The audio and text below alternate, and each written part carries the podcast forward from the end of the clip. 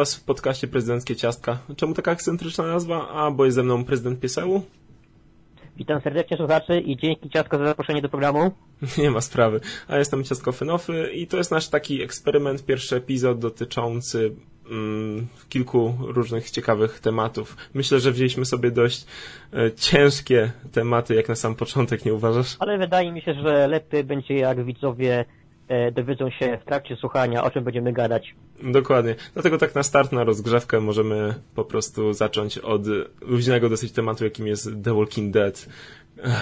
Ta, to jest w ogóle temat legenda, bo serial, który leci już prawie od 10 lat w tym momencie, moim zdaniem, Mhm. e, zmierza w bardzo złym kierunku. ale To jest subiektywna opinia, która... Nie, wiesz co, myślę, że kilka milionów widzów popiera twoją opinię, bo oglądalność spada z odcinka na odcinek, no chyba, że boostują sobie jakimś super eventem, jakim jest chociażby, nie wiem, y, odejście głównego bohatera z serialu. No więc- tak, no ciężko ciężko jest e, spoilerować taki odcinek, który jest powiedzmy na ustach wszystkich, bo to, że to by, że Rick odejdzie z serialu było wiadomo już od początku serii.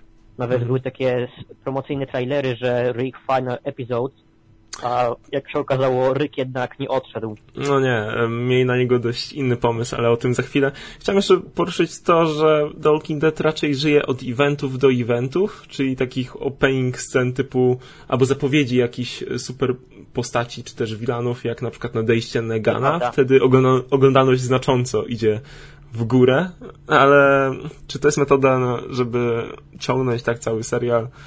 Cały sezon właściwie składający się z kilkunastu epizodów, no jak dla mnie kompletnie nie. No i co pokazują same Moim zdaniem błędem twórców, y, twórców Walking Dead polega na tym, że zbytnio polegają na opinii widzów, bo mm, nie wiem, czy pamiętasz, jak Mhm. od, rozpoczął się siódmy sezon egzekucją Glena i Abrahama, No ciężko To- tym, o tym zapomnieć. to ponoć do AMC wpływały skargi, że to jest zbyt brutalne, że jak tak można takie takie obrazki, mimo tego, że serial był puszczany w paśmie i wiadomo było, jaka jest jego tematyka.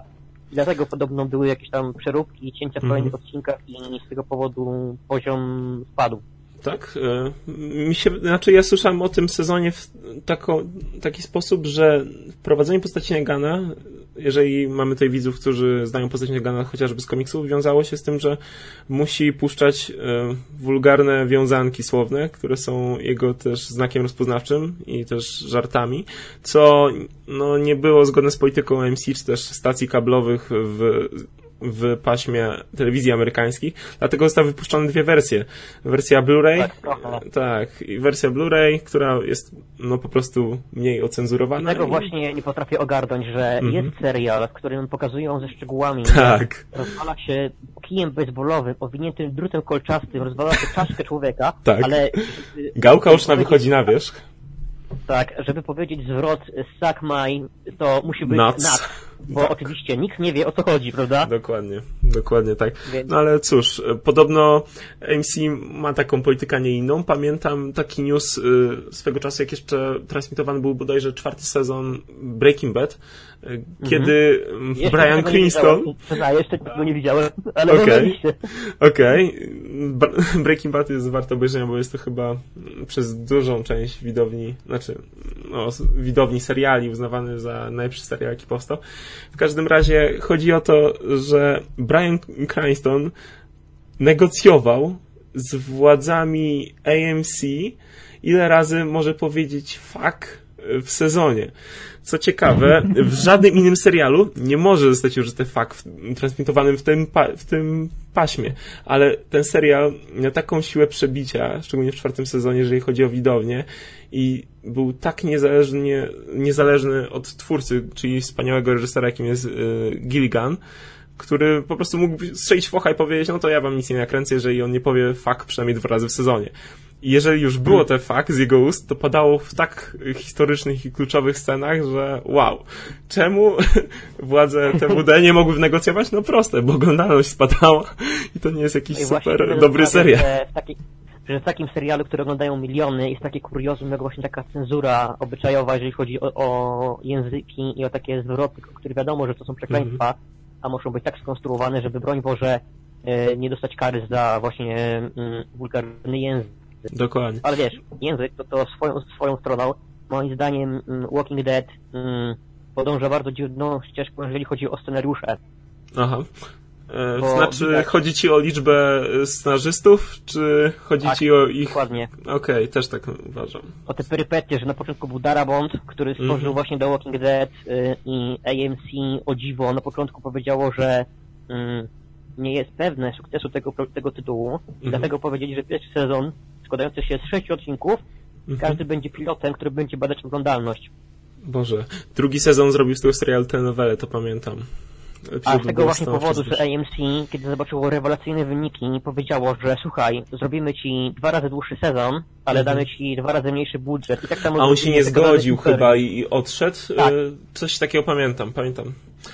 E, Właśnie... Pamiętam, bo ten, ten, serial, bardzo czekałem na ten serial. Pierwszy sezon mnie w sumie zachwycił, bo był poniekąd tym, czego oczekiwałem, bo czytałem wcześniej komiksy, które były w Empikach pod już nazw polską nazwą Żywe Trupy, które zawierały tam ileś tam zeszytów w jednym tomie i naprawdę czekałem ten serial, czytałem o nim dużo, każdy news, każdy trailer. No i wszedł pierwszy sezon, który ja był w miarę okej. Okay. że o The Walking Dead nie wiedziałem zupełnie nic. Wiesz, kiedy zakończył się to, to nie był jakiś popularny, wiesz, komiks Tak, wcześniej. dokładnie. Kiedy właśnie była premiera drugiego sezonu i zobaczyłem tylko nazwisko Frank Darabont i wiedziałem, że to będzie dobre. Tak. I y oczywiście szybko nadrobiłem pierwszy sezon, był świetny. W porównaniu mhm. z tym, co jest obecnie, po prostu y, sezon pierwszy, drugi i trzeci to są w tym momencie. E, wiesz co, akurat e... trzeci uwielbiam, jeżeli chodzi o pierwszą połowę i kompletnie nie rozumiem, czemu showrunnerka pierwszej połowy się pożegnała, bo dla mnie pierwsza połowa trzeciego sezonu była czymś rewelacyjnym. Nie dość, że rozbudowuje postać Ricka Grimesa do, do po prostu badasa, który w końcu przeszedł przemianę. To było coś dla mnie tak spektakularnego jak, e, no nie wiem, przemiana Waltera White'a, bo nie szukujmy się, ten serial ciągnie Andrew Lincoln przynajmniej ciągnął na początku, bo już to no. niestety niestety... No i właśnie o tym chciałem porozmawiać, mhm. to słynne odejście Ricka Grimesa, gdzie oczywiście producenci tak. marketingowcy mówili, że this will be awesome, watch mhm. this i ja już jestem na takim etapie, że te wszystkie zachwalania tego Walking Dead przepuszczam przez bardzo... Miałem to samo, dosłownie nie wierzyłem w to, że go kiedy, albo ubiją, myślałem, że jaja sobie robią, wiesz, z widzów, jak zawsze. Tak, no bo jeżeli kiedy tam w latach ubiegłych mówili, że czeka was najważniejszy, najlepszy odcinek w historii The Walking Dead, tak. powiedziałem, dobra, obejrzę e. i to był odcinek, w którym Tyrese został ugryziony w łapę przez y, zombie O nie, o nie, tylko nie ten miał, miał te zwidy z Beth, y, y, gubernatorem, I gubernatorem jeszcze. jeszcze. Tak. Y, I po prostu to według twórców był najlepszy, najważniejszy odcinek w historii The Walking Dead. Tak. To już powiedziałem, że wolę nie wiedzieć, jakie są pozostałe. To, to, był, to był szczyt możliwości. No. A oczywiście ten ostatni odcinek widziałeś, tak? Nie. Widziałem nie? spoilerowe sceny. A, czyli to jednak ja... właśnie, ja wiedziałem, że tak będzie, że, że, że któryś z ja... nas obejrzy ten odcinek, a któryś go nie obejrzy i powie ci tak, że niewiele straciłeś, bo tak. po prostu poziom absurdu w tym odcinku Serio? E, ale mówisz, załóżmy, bo ten jakby odcinek to odejście Ricka Grimesa składało się z jakby dwóch odcinków. Z odcinka tak. tego przygotowującego, przygotowującego do odejścia i tego kolejnego. Ja nie oglądam TWD od momentu, kiedy zabili Karla, więc, więc dla mnie... No, Obejrzałem tylko najlepsze urywki, najlepsze sceny, bo o jest. Dla mnie to był najgorszy ruch, o którym się już wypowiadałem na kanale, więc tam odsyłam was widzowie. Nie chcę się powtarzać. W każdym razie no chciałem zobaczyć, co stanie się z postacią, moją ulubioną postacią e, z tego całego serialu.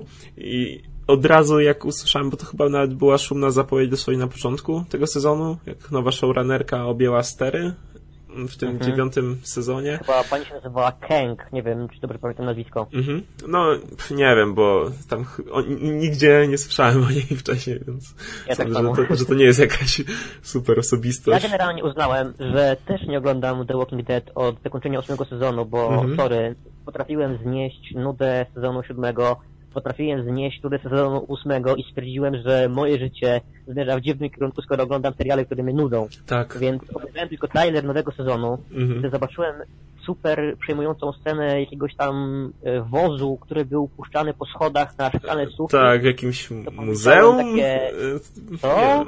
I jeszcze co? I powiedziałem, że to chyba jednak nie jest dla mnie. Oczywiście wątek szeptaczy ma się pojawić dopiero po tym... Po timeskipie. tygodniach. Tak, tak. E, a o, o tym właśnie za chwilę. E, no ale stwierdziłem, że taki moment jak odejście Ryka Grimesa, to trzeba obejrzeć w całości.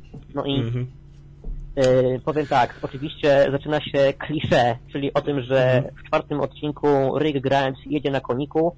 Tak, no mamy po lesie. przebitki do pierwszych sezonów. A nie, bo ty mówisz jeszcze o czymś innym, bo ch- chciałem nawiązać do tego, że chodzi o to, żeby zrobić super, yy, nie wiem, nostalgię u widzów. Tak, I były takie sceny, tak, że i taki powrót do przeszłości, flashbacki z sezonu pierwszego, była farma, o ile kadry mi się podobał, że on do tej Atlanty zmierza na tym koniu już e, za tymi zombiakami, tak sam koncept e, dość tani, e, z widy i majaczenia z postaciami okej. A najciekawsze jest to, że te zwidy i majaczenia zawsze Mhm. urywały się tym samym motywem, czyli takim tytułowym Wake Up. I A. Ryszard się budził i go jakiś tam trup go już tam O. prawie dopadł, musiał uciec O. i znowu był w rzeczywistości, gdzie Duchy go budziły, żeby koniku, przeżył. Tak, duchy przyszłości go ścigały. Jezu, jakbym oglądał jakiś niskobudżetowy dramat. No tak, cóż. właśnie najgorsze jest to, że ta szumna Na, zapowiadana... green screen w tle? Czy nie? Być może.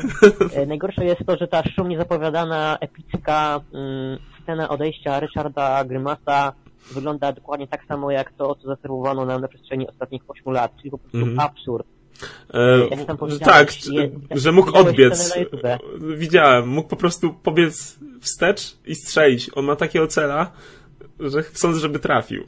Chyba, że tam coś było za nim, nie jestem pewien, bo widziałem tylko tę scenę do jego Ja Last Man scenę Na Standing. YouTubie, obejrzałem scenę na, na YouTubie na zwolnieniu i w momencie, Aha. w której Rick Grimes strzela do tego, do tego dynamitu, Tak. to jak od- odpalisz film na YouTubie na 0,25 prędkości, to zobaczysz, że fala uderzeniowa uderza go w twarz. Dosłownie. Okej. I to, to mnie A czemu on nie pobiegł do tyłu i nie strzelił?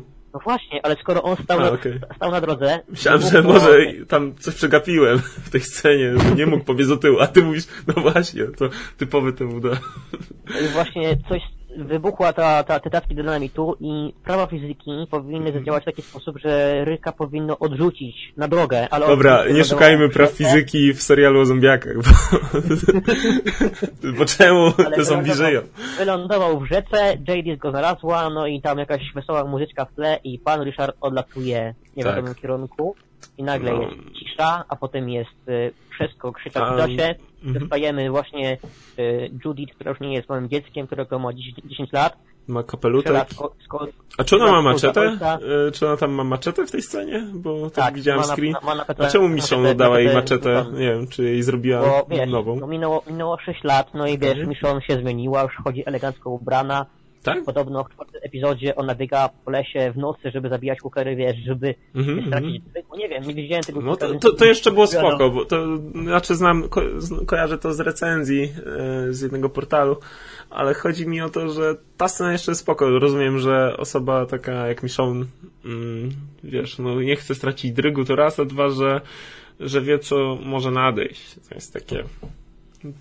No i właśnie to zakończenie tego odcinka, że pojawiła się właśnie ta Judith, która jest takim już dorosłym dzieckiem, a potem były trailery, gdzie pokazują na przykład Karol z długimi włosami jak u Legolasa. No, właśnie, zastanawiam się, co to za postać. Myślałem, że jakiś elf się pojawił, czy... a to się okazuje, że to Karol, bo na Instagramie mi wyskoczyło, że jest oznaczona i takie, what? Najgorsze jest to, najgorsze jest to, że ten, że ten, ta forma tego odcinka zdecydowanie utwierdziła mnie w przekonaniu, że Mhm. powrócenie TWD było dobrym pomysłem, bo sorry, jeżeli No. żegnamy głównego bohatera w taki sposób, to po Mhm. prostu to tylko siąść i płakać, a co Okej. więcej.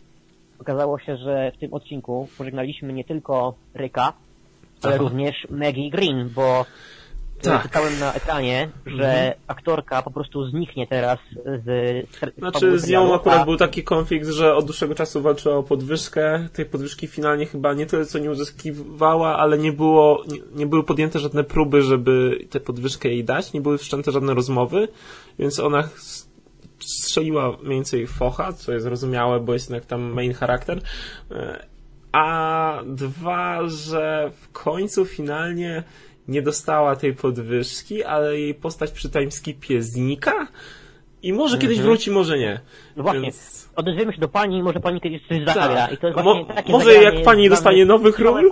Tak. Może jak pani nie dostanie nowych ról po TWD, bo pani nie wyjdzie, to pani nie będzie chciała tej podwyżki i wróci do nas. No, no takie potraktowanie No i aktorki. właśnie takie zagrania, jak właśnie to jest kolejny przykład po usunięciu z obsady Karla, takiego po prostu tak strzał, mhm. strzał w jednej chwili, że tak. y, nie wiadomo skąd, ugryzienie, śmierć, przystanie listów, koniec postaci.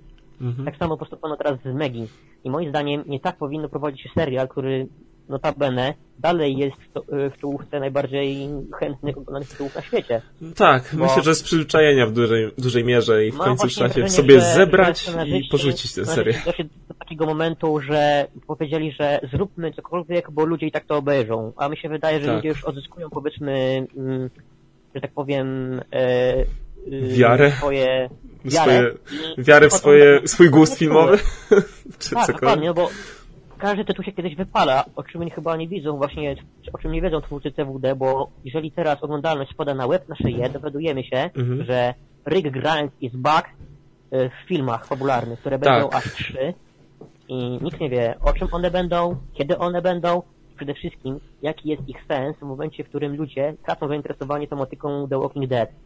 Ich sens byłby dobry w momencie, kiedy te filmy by weszły albo zamiast serialu, czyli mhm. w momencie, kiedy załóżmy Doranbot e, skończył z pierwszym sezonem, e, Myślę, że takie filmy miałyby rację bytu, ale może nie w tamtym okresie czasu, bo wtedy jeszcze platformy cyfrowe takie jak Netflix e, dopiero zaczynały raczkować i nikt nie nie łudził się, że film puszczany w telewizji ma jakąkolwiek rację bytu. Teraz jednak ma to sens, bo raz, że krótki metraż, jakim jest film, czyli tam dwie godziny, góra trzy, jeżeli by się do takich porwali, e, byłby bardziej zwięzłą opowieścią, bardziej dynamiczną niż te ich popłuczyny od czwartego sezonu. E, tak, e, tutaj mm, na przykład ile razy lepiej wyglądałoby The Walking Dead, gdyby to, były, to była jakaś saga, coś jak, nie mówię, że jak Star Warsy, ale no coś ten deseń, czyli na przykład epizod pierwszy by skupiał się na e, obudzeniu się ze, ze śpiączki Rika, jego podróży do, ku kierunku odnalezienia żony, drugi sezon farma, trzeci sezon walka z gubernatorem, czwarty sezon walka z Naganem, znaczy, mówię sezon, mówię, chodzi mi o epizody. Mhm. Mm. A piąty, załóżmy, no, wchodzą szeptacze. I tyle. I tyle. To byłaby zwięzła historia sobie... i ekspozycja postaci na kilku, przestrzeni kilku filmów. jak wyglądałoby The Walking Dead, gdyby robiło to, ten serial robiło HBO, co było pierwotnie o, mój Boże. zakładane, bo poszli, tak. poszli scenarzyści z Frankiem na czele do HBO, uzyskali mhm. odpowiedź, zbyt brutalne. Ja powiedziałem, co? Masz serial, stacji, która wypuściła wypuściła na przykład takie seriale jak Hang. Jak Oz, jak The Wire, jak, jak, Rodzina Soprano, jak... Yy, I dla nich to było zbyt brutalne. To powiedziałem brawo, po prostu brawo, brawo i jeszcze raz brawo. I -hmm. wydaje mi się, że kiedy Walking Dead e, zaliczało szczyty, to HBO pluło sobie w brodę. Ale wydaje mi się, że obecnie to HBO chyba jest zadowolone z tej sytuacji, ale umówmy się, gdyby The Walking Dead było w HBO, nie byłoby takich akcji, że obcinamy budżet, zwalniamy aktora i tak dalej, i tak dalej, bo jednak HBO ma swoją ma HBO swoją ma swoją markę, ma swoją jakość przede wszystkim, ma, ma komplet dobrych reżyserów, już nie mówiąc o aktorach, którzy starają się znaleźć jakieś swoje katarzis, jak w postaci e, Matthew McConaughey, który z gwiazdy mm, komedii romantycznych dla nastolatek stał się pełnoprawnym i etatowym aktorem, który zgarnia Oscary i tworzy, bo również jest producentem świetnego True Detective, przynajmniej pierwszy sezon. Dokładnie. E, no po prostu klasa. Dlatego myślę, że nawet taki Andrew Lincoln w HBO nie dość, żeby spokojnie przy jakości produkcji mógł zgarnąć w końcu, przy takiej jakości produkcji, jaką gwarantuje HBO, mógł zgarnąć Emmy, no bo nie szukujmy się, mhm. nie zgarnia tej Emmy tylko dlatego, że TWD to w skali tych mini drama series e, jest po prostu żenułą dla wszystkich innych tytułów, z którymi tak, chciałby stać w szarance na tym festiwalu, na tym e, no, festiwalu nagród. No, dlatego nie zgarnia tej Emmy, a jest świetnym aktorem. I w takim HBO no po prostu zrobiłby zapłatną karierę, a jeszcze później mógłby stać się jakimś producentem nawet. Na spokojnie mógłby wykładać pieniądze na inne znaczące produkcje i stać się pełnoprawnym etatową pełnoprawną i etatową gwiazdą w świecie Hollywood i grać w mhm. pełnometrażowych filmach, a nie pełnometrażowych filmach o The Walking Dead. Niestety. Zapytano kiedyś Franka Darabonta, czy on ogląda obecne sezony The Walking Dead. On, no. powiedział, że absolutnie, czemu miałby to robić, a powodem takiej odpowiedzi jest to, że on się procesuje z AMC, bo on jest, mhm. znaczy był chyba zakontraktowany na kilka sezonów e, w przód, okay. a w związku z takim właśnie numerem, z tym finansowaniem powiedział, że on tylko nakręci parę tam odcinków mhm. sezonu drugiego i odchodzi i mhm. ponoć się procesuje z tą stacją o od, od, odszkodowanie za niedotrzymanie warunków kontaktu. Była I z tego powodu właśnie, że, że odszedł Darabont, odszedł też właśnie aktor wcielający się w rolę Dale'a, bo to jest jego super kumpel, mhm. który grał w jego filmach, jak na przykład we Mgle, skazany na Shawshank. Tak. Więc powiedział, że on odchodzi i scenarzyści ubagali go, żeby to odejście było na koniec sezonu, żeby to ta śmierć miała jakieś znaczenie i mhm. moim zdaniem ta śmierć Dale'a była jednym z lepszych momentów e, tak. serialu.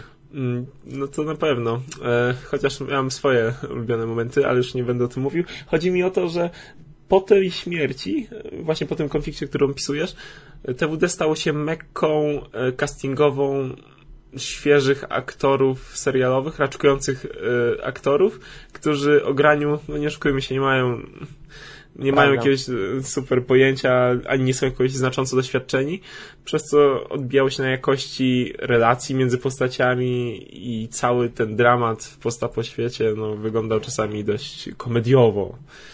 Niestety. Ja nie mogę sobie wybaczyć tego, że gdy e, był e, sezon drugi w telewizji, to narzekałem na niego, że Jezu, jakie to jest nudne, Oj, gdzie tak. są te trupy, nic się nie dzieje, tylko stoją, gadają, po prostu dramat ale z perspektywy lat zauważyłem, że właśnie ten sezon drugi ma taki mhm. swój własny klimat, że... Ma dobre aktorstwo. Tak, bardzo dobre aktorstwo. Tam nie ma ani... Relacja trójkątu głównych bohaterów. Naprawdę tak, świetnie rozegrana i świetnie Każda, każda postać ma jakieś tło. Może oprócz e, niektórych członków rodziny Green, których poznajemy tylko tak po łebkach, mhm. oni, oni stanowią tło, ale nasza grupa Atlanty, każda mhm. z tych postaci ma jakiś taki powiedzmy e, swój własny zarys, swoją własną historię, którą chce się poznać. A w obecnych sezonach The Walking Dead po prostu tych aktorów jest zbyt dużo, albo są zbyt przyjaskrawieni, no bo sorry, Ezekiel... Albo pojawiają się, żeby zginąć. Tak, dokładnie, że dzień dobry, jestem nowym aktorem, no tak. i super dziab, Bez ekspozycji żadnej, bez żadnego tła, backgroundu, nic. Tak, nawet spoko. człowieka nie poznasz, nie wiesz, czy go lubisz, czy nie lubisz, nieważne, bo i tak zaraz zginie. Taka tak. jest polityka właśnie do Walking Dead. Dobrze. Myślę, że już. Y, no dobra, jeszcze dokończ, bo myślę, że już skończy, skończymy tę tego, tego, tego tak. właśnie odcinka ostatniego z The Walking Dead, że tam mi się zupełnie nie podobało. Był fajny moment. Mianowicie w scenie, w której e, Michonne wbiega na most, żeby ratować swojego kochanego. Leci mhm. jakaś muzyczka w tle, która w pewnym momencie zmienia się w motyw muzyczny The Walking Dead. No i wtedy poczułem, że o, zaraz, zaraz się zadzieje, bo to już chyba ten moment, ale właśnie kiedy to była ta słynna ta wypowiedź, że Mhm. Znalazłem ich strzał, bum i nagle Ryszard Grymas jest w rzece, powiedziałem, Boże, co ja patrzę, po prostu już dosyć, dosyć, no tak. nigdy więcej TWD. No, dokładnie. I chyba tym zdaniem możemy zakończyć. Jeżeli chcecie więcej TWD, to odsyłam was do komiksów, które są o niebo lepsze. Mimo, że Kirkman ostatnio, przynajmniej dla mnie, bo nie czytałem nowych zeszytów, ale Kirkman ostatnio dla mnie trochę podupada pod względem fabuły, ale myślę, że on rozrysowuje jakiś szerszy konspekt tego, co się wydarzy. Ja jestem na bieżąco z komiksami mm -hmm. i mogę powiedzieć, powiedzieć, że jest nadzieja, bo pojawienie się Commonwealth, który mm -hmm. jest już obecnie w serialu, E, tak. zwiastuje coś fajnego w komiksie, bo to jest zupełnie coś innego, z czym mieliśmy... Okej, okay, bałem się, że to będzie jakaś powtórka z rozrywki od gubernatora, ale, ale skoro tak to zapowiadasz, to może zabiorę się w końcu do czytania pozostałych zeszytów. No i zobaczymy, co z tego wyniknie. Póki co, no, Kirkman prezentuje niebo lepszą jakość w swoich komiksach niż jako producent tego serialu.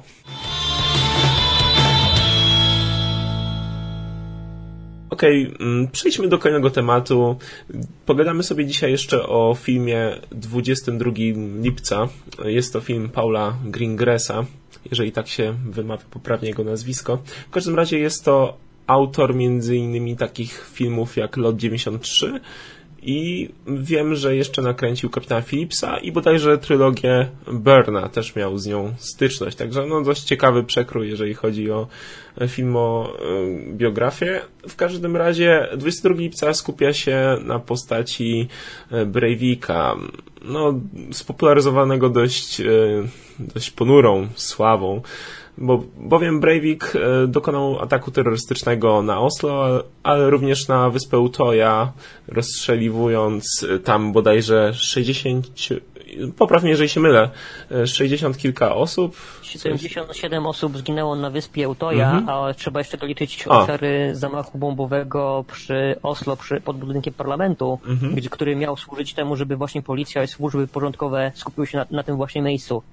Tak. E, no i właśnie jak powiedziałeś, to jest taki naprawdę dosyć ciężki film, bo opowiadający wydarzenie, które wydarzyło się nie tak daleko od nas, a po drugie to nie było przygotowane mm, przez jakąś organizację terrorystyczną, tylko przez jednego człowieka, który w swoim powiedzmy obłędzie postanowił właśnie zrealizować takie, takie właśnie mm, wydarzenie w, w tak tragicznych skutkach. Tak, e, z tym, że mm, odniósłbym się do tego, że nie tyle co w obłędzie, ale również, e, znaczy, wiesz, można powiedzieć, że w obłędzie, bo nie oszukujmy się, nie jest, nie jest to normalne działanie i nie będę go jakoś aprobował. W każdym razie odnosił się do dość, e, dość kontrowersyjnych poglądów, skrajnie prawicowych, można by tak, tak określić. Więc pierwszy zamach, jaki dokonał, to był ten atak terrorystyczny pod siedzibą premiera Norwegii samym centrum Oslo. Później dostał się w przebraniu policjanta na wyspę Utoja. Jednak nie jesteśmy tutaj po to, żeby, żeby po prostu przedstawiać cały przebieg zdarzeń, tylko bardziej skupić się na wydźwięku filmu i na tym, co właśnie Paul chciał nam przekazać tym filmem. E, także mhm. wiem, że przygotowałeś e, jakąś swoją anegdotkę, która może się całkiem nieźle odnosić do tego, e, do, nie tyle co do filmu, ale również społeczeństwa Norwegów. Tak, ale to chyba to wtrącimy, mhm. tak powiem, jak będziemy zbierać do finału rozmowy. Mhm. Jeżeli chodzi właśnie o ten zamach, to już powstało nawet kilka pozycji jedną z nich jest książka, której fragment wykorzystano do stworzenia trailera e, filmu 22 Lips, bo oglądając właśnie zwiastuny na YouTubie widziałem e, ujęcie, gdzie kamera idzie wśród tych porozwalanych namiotów i słychać wszędzie dzwonki telefonów komórkowych. I w mhm. książce jeden z nas, opowieści z Norwegii, autorstwa Arsne Seisgard, jest fragment mówiący o tym, że gdy już było po wszystkim i policja robiła zdjęcia tego miejsca zbrodni, były osoby, które, e, które pilnowały tych ciał, żeby nie było fotoreporterów, żeby nikt ich nie ruszał. Mhm. E, I opowiadały te osoby, że właśnie mm, najbardziej przerażający był ten harmider telefonów komórkowych, bo te telefony, które leżały na ziemi, non-stop dzwoniły i było słuchać dzwonki metalowe, rapowe, bibera i na tych wszystkich wyświetlaczach okay. przybijało się głównie słowo mama. I gdy zapadł zmierzch, to te telefony świeciły w tej trawie normalnie jak takie upiorne tam światełka Mhm. Co ciekawe, Paul y, chyba zawarł fragment tej sceny, o ile dobrze pamiętam, y, ale to nie przebiegało na trawie, tylko u, nie, u niego w filmie to, to telefon dzwonił na jakiejś półce na ladzie, kiedy już policjanci właśnie dostali się na wyspę i, i mhm. ten... Generalnie w tym filmie jest świetnie pokazany właśnie taki czynnik ludzki, bo mm, to nie było pokazane na zasadzie, że doszło do zamachu, y, ratowanie ofiar, to wszystko, tylko właśnie y, nawet moment, w którym pierwszego chaosu, kiedy rodzice dowiedzieli się o tej, o tej tragedii i e, jechali na, tą wyspę, e, szukali swoich e, bliskich wśród ocalałych tam w takim prowizorycznym szpitalku, to właśnie ruch kamery, te dialogi i gra aktorska pokazała, że dało się poczuć atmosferę tych dni, znaczy tego dnia, że wysyłasz swoje dziecko na obóz, a nagle słyszysz w wiadomościach, że wybuchła bomba pod parlamentem, czy pod siedzibą premiera, a potem dowiadujesz się, że, że na obozie doszło do jakiejś masakry, że ktoś tam strzela do twoich dzieci. Tak. I to się wydarzyło. Ciężko w to uwierzyć, ale to właśnie wydarzyło się naprawdę i ten, powiedzmy, jest tak nakręcony, jakby to nie był film, tylko relacja właśnie z tych Szczególnie jeżeli chodzi o pierwsze sceny, bo wstęp, nie spodziewałem się ogólnie takiego wstępu w tym filmie, bo od razu, zaczy, od razu przechodzimy do głównego tematu, czyli reżyser rzuca nas w wir całej zorganizowanej akcji. Nie, nie jest ona przeprowadzona stopniowo, czyli dzieci już są na tym obozie, już są na tej wyspie, dzieci, no nastolatkowie, bo oni są członkami No, partii. E, Tak, oni są członkami partii, która jest e, z kolei skrajnie lewicowa z tego, co przeczytałem. Może nie aż tak, lewicowa, ale naprawdę ich poglądy są mocno lewicowe. Co razie, bardzo... w każdym razie była czymś, czego właśnie nie- nienawidził Breivik, bo Tak, dla dokładnie. osoby, która jest skrajnie prawicowa, wystarczy minimalne odstępstwo od, od poglądów takiej osoby, żeby już być tym, wiesz, w cudzysłowie wrogiem, więc E, I reżyser od razu rzuca nas w wir całej akcji. Oczywiście mamy krótki wstęp i mm, ekspozycję postaci. Skupia się na rodzeństwie dwóch braci, którym będziemy towarzyszyć przez resztę filmu y, poprzez to, jak przychodzi kolejno przez traumę, ale to później. W każdym razie również są od razu pokazana jest matka Breivika, to jak on wychodzi z domu. Widzimy, że ma jakąś bliską osobę. Nie jest powiedziane dokładnie skąd wziął broń i skąd y, miał cały swój arsenał, jednak można o tym przeczytać, nie wiem, chociażby nawet na Wikipedii. I w każdym razie reżyser nie na tym się skupia, skupia się, skupia się od razu na przekazaniu e, jak najbardziej dramatycznych scen już na samym wstępie filmu, żeby, nie wiem, znaleźć ukojenie wśród widzów w taki sposób, że żebyśmy już mieli to za sobą i mogli po prostu e, przejść jakby do tematu głównego, czyli tego jak przechodzą traumę ofiary tego ataku, kim jest Breivik, co są, prezentuje, co chciał za- pokazać tym atakiem. Mm, Co mnie osobiście zdziwiło, nie wiem czy ciebie też, mnie to osobiście dosyć dziwiło, myślałem, że będzie to raczej pokazane coś jak w locie 93, taka surowa relacja, która owszem tutaj była, bo scena na wyspie jest dosyć dramatyczna, E, tylko tutaj jest to pokazane właśnie od strony takiego wydarzenia, dramatycznego wydarzenia, dopiero później skupieniu się na postaciach. Co jest dość dziwnym zabiegiem, bo, bo zazwyczaj w tego typu filmach, żeby móc y, przeżywać dramat y, owych postaci, musimy je wcześniej poznać. Tutaj nie mamy tej okazji za bardzo, bo wszystko jest prawda. dosyć y, od razu narzucone.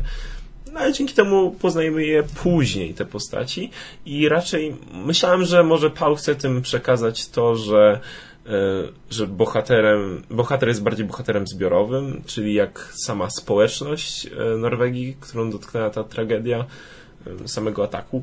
Tak, tak mi się wydaje, że to chciał przekazać Paul. Nie wiem, jak ty o tym. Mi się wydaje właśnie, że trafiłeś w dobry punkt, bo mm, tutaj w tej historii chyba nie ma jednego bohatera. Oczywiście jest historia tych dwóch braci, z których jeden musiał zmagać się z bliznami, e, z ranami pooperacyjnymi i musiał nauczyć się na przykład chodzić od nowa, nie robiąc większych spoilerów, ale generalnie postawa jego młodszego brata, który poczuł się odsunięty przez rodziców, ponieważ skupiali się zbytnio na rehabilitacji swojego starszego syna, Na, pokazuje... na, dodam jeszcze, że, na, że obaj bracia przeżyli ten atak. W takim sensie, że obaj Tak. byli na tej wyspie, a jeden był z nich Dokładnie. pomijany. To, co właśnie mówi prezydent, że musi... że właśnie nie wystarczy, nie, nie trzeba było e, dostać e, kulką na takim, na, tym, podczas tego zamachu, jak to okrutnie brzmi, żeby nie mieć właśnie traumy na całe życie, bo wydaje mi się, że w współczesnym świecie e, zbytnio, może nie też, że bagatelizujemy, ale nie przywiązujemy e, wagi do zjawiska terroryzmu, bo e, Breivik nie był pierwszym, nie był ostatnim człowiekiem, który doprowadził do takiej sytuacji, że cały świat zamarł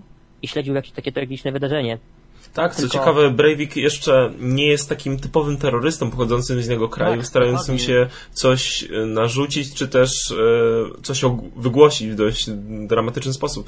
On był Norwegiem, był po prostu Norwegiem, członkiem społeczeństwa norweskiego.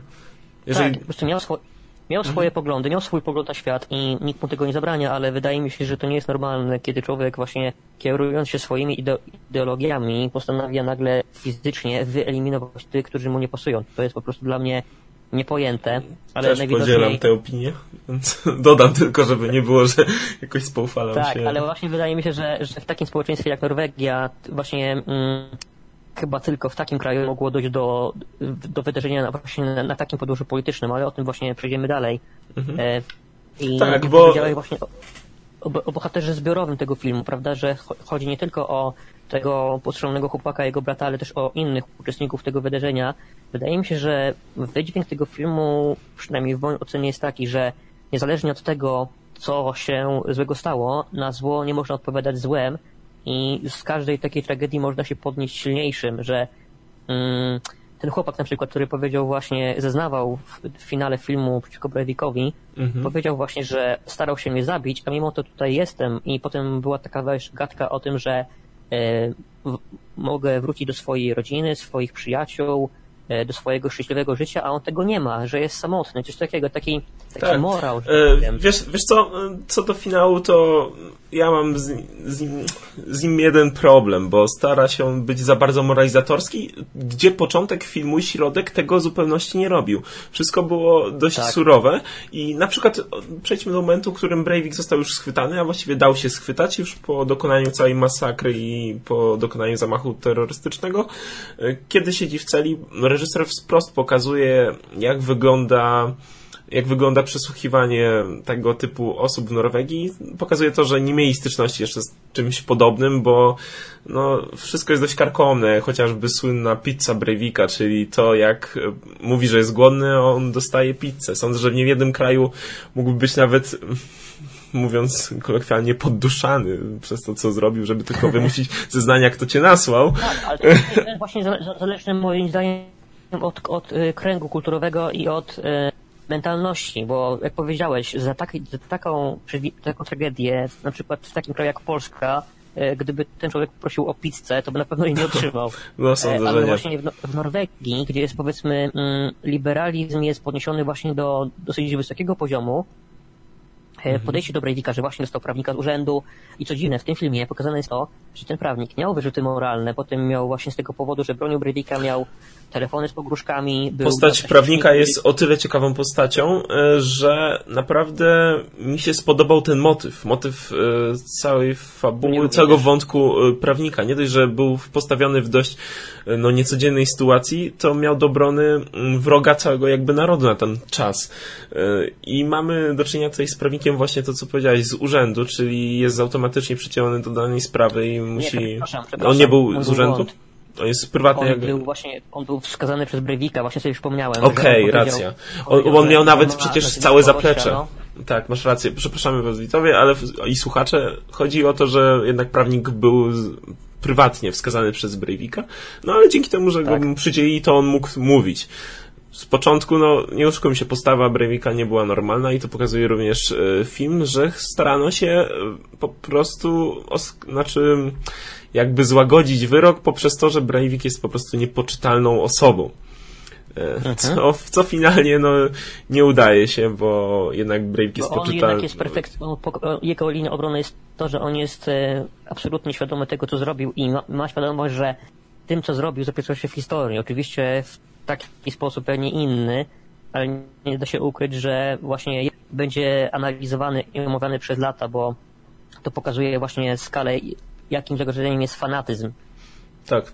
Y, to też pokazujesz skalę zagrożenia, jakim. Znaczy, możemy pójść w dwie strony, czyli um, staram się znaleźć jakiś środek, czyli na przykład mamy tutaj e, fanatyzm Breivika, przez co jego postawa nie, dojść, nie to jest, co jest piętnowana, co niektórzy uważają ją za słuszną co jest najbardziej chyba niebezpieczne dla przyszłości. Ma, Breivik ma swoich wyznawców i czym dłużej upływa czas tej tragedii, wydaje mi się, że zwiększa się znieczulenie na te tragedie. Na przykład ruchy skrajno-prawicowe, już nie mówię nawet o skrajnie prawicowych, a niektórzy, niektórzy mu przytakują, okej, okay, okej, okay, zrobił to, co zrobił, ale w słusznej sprawie.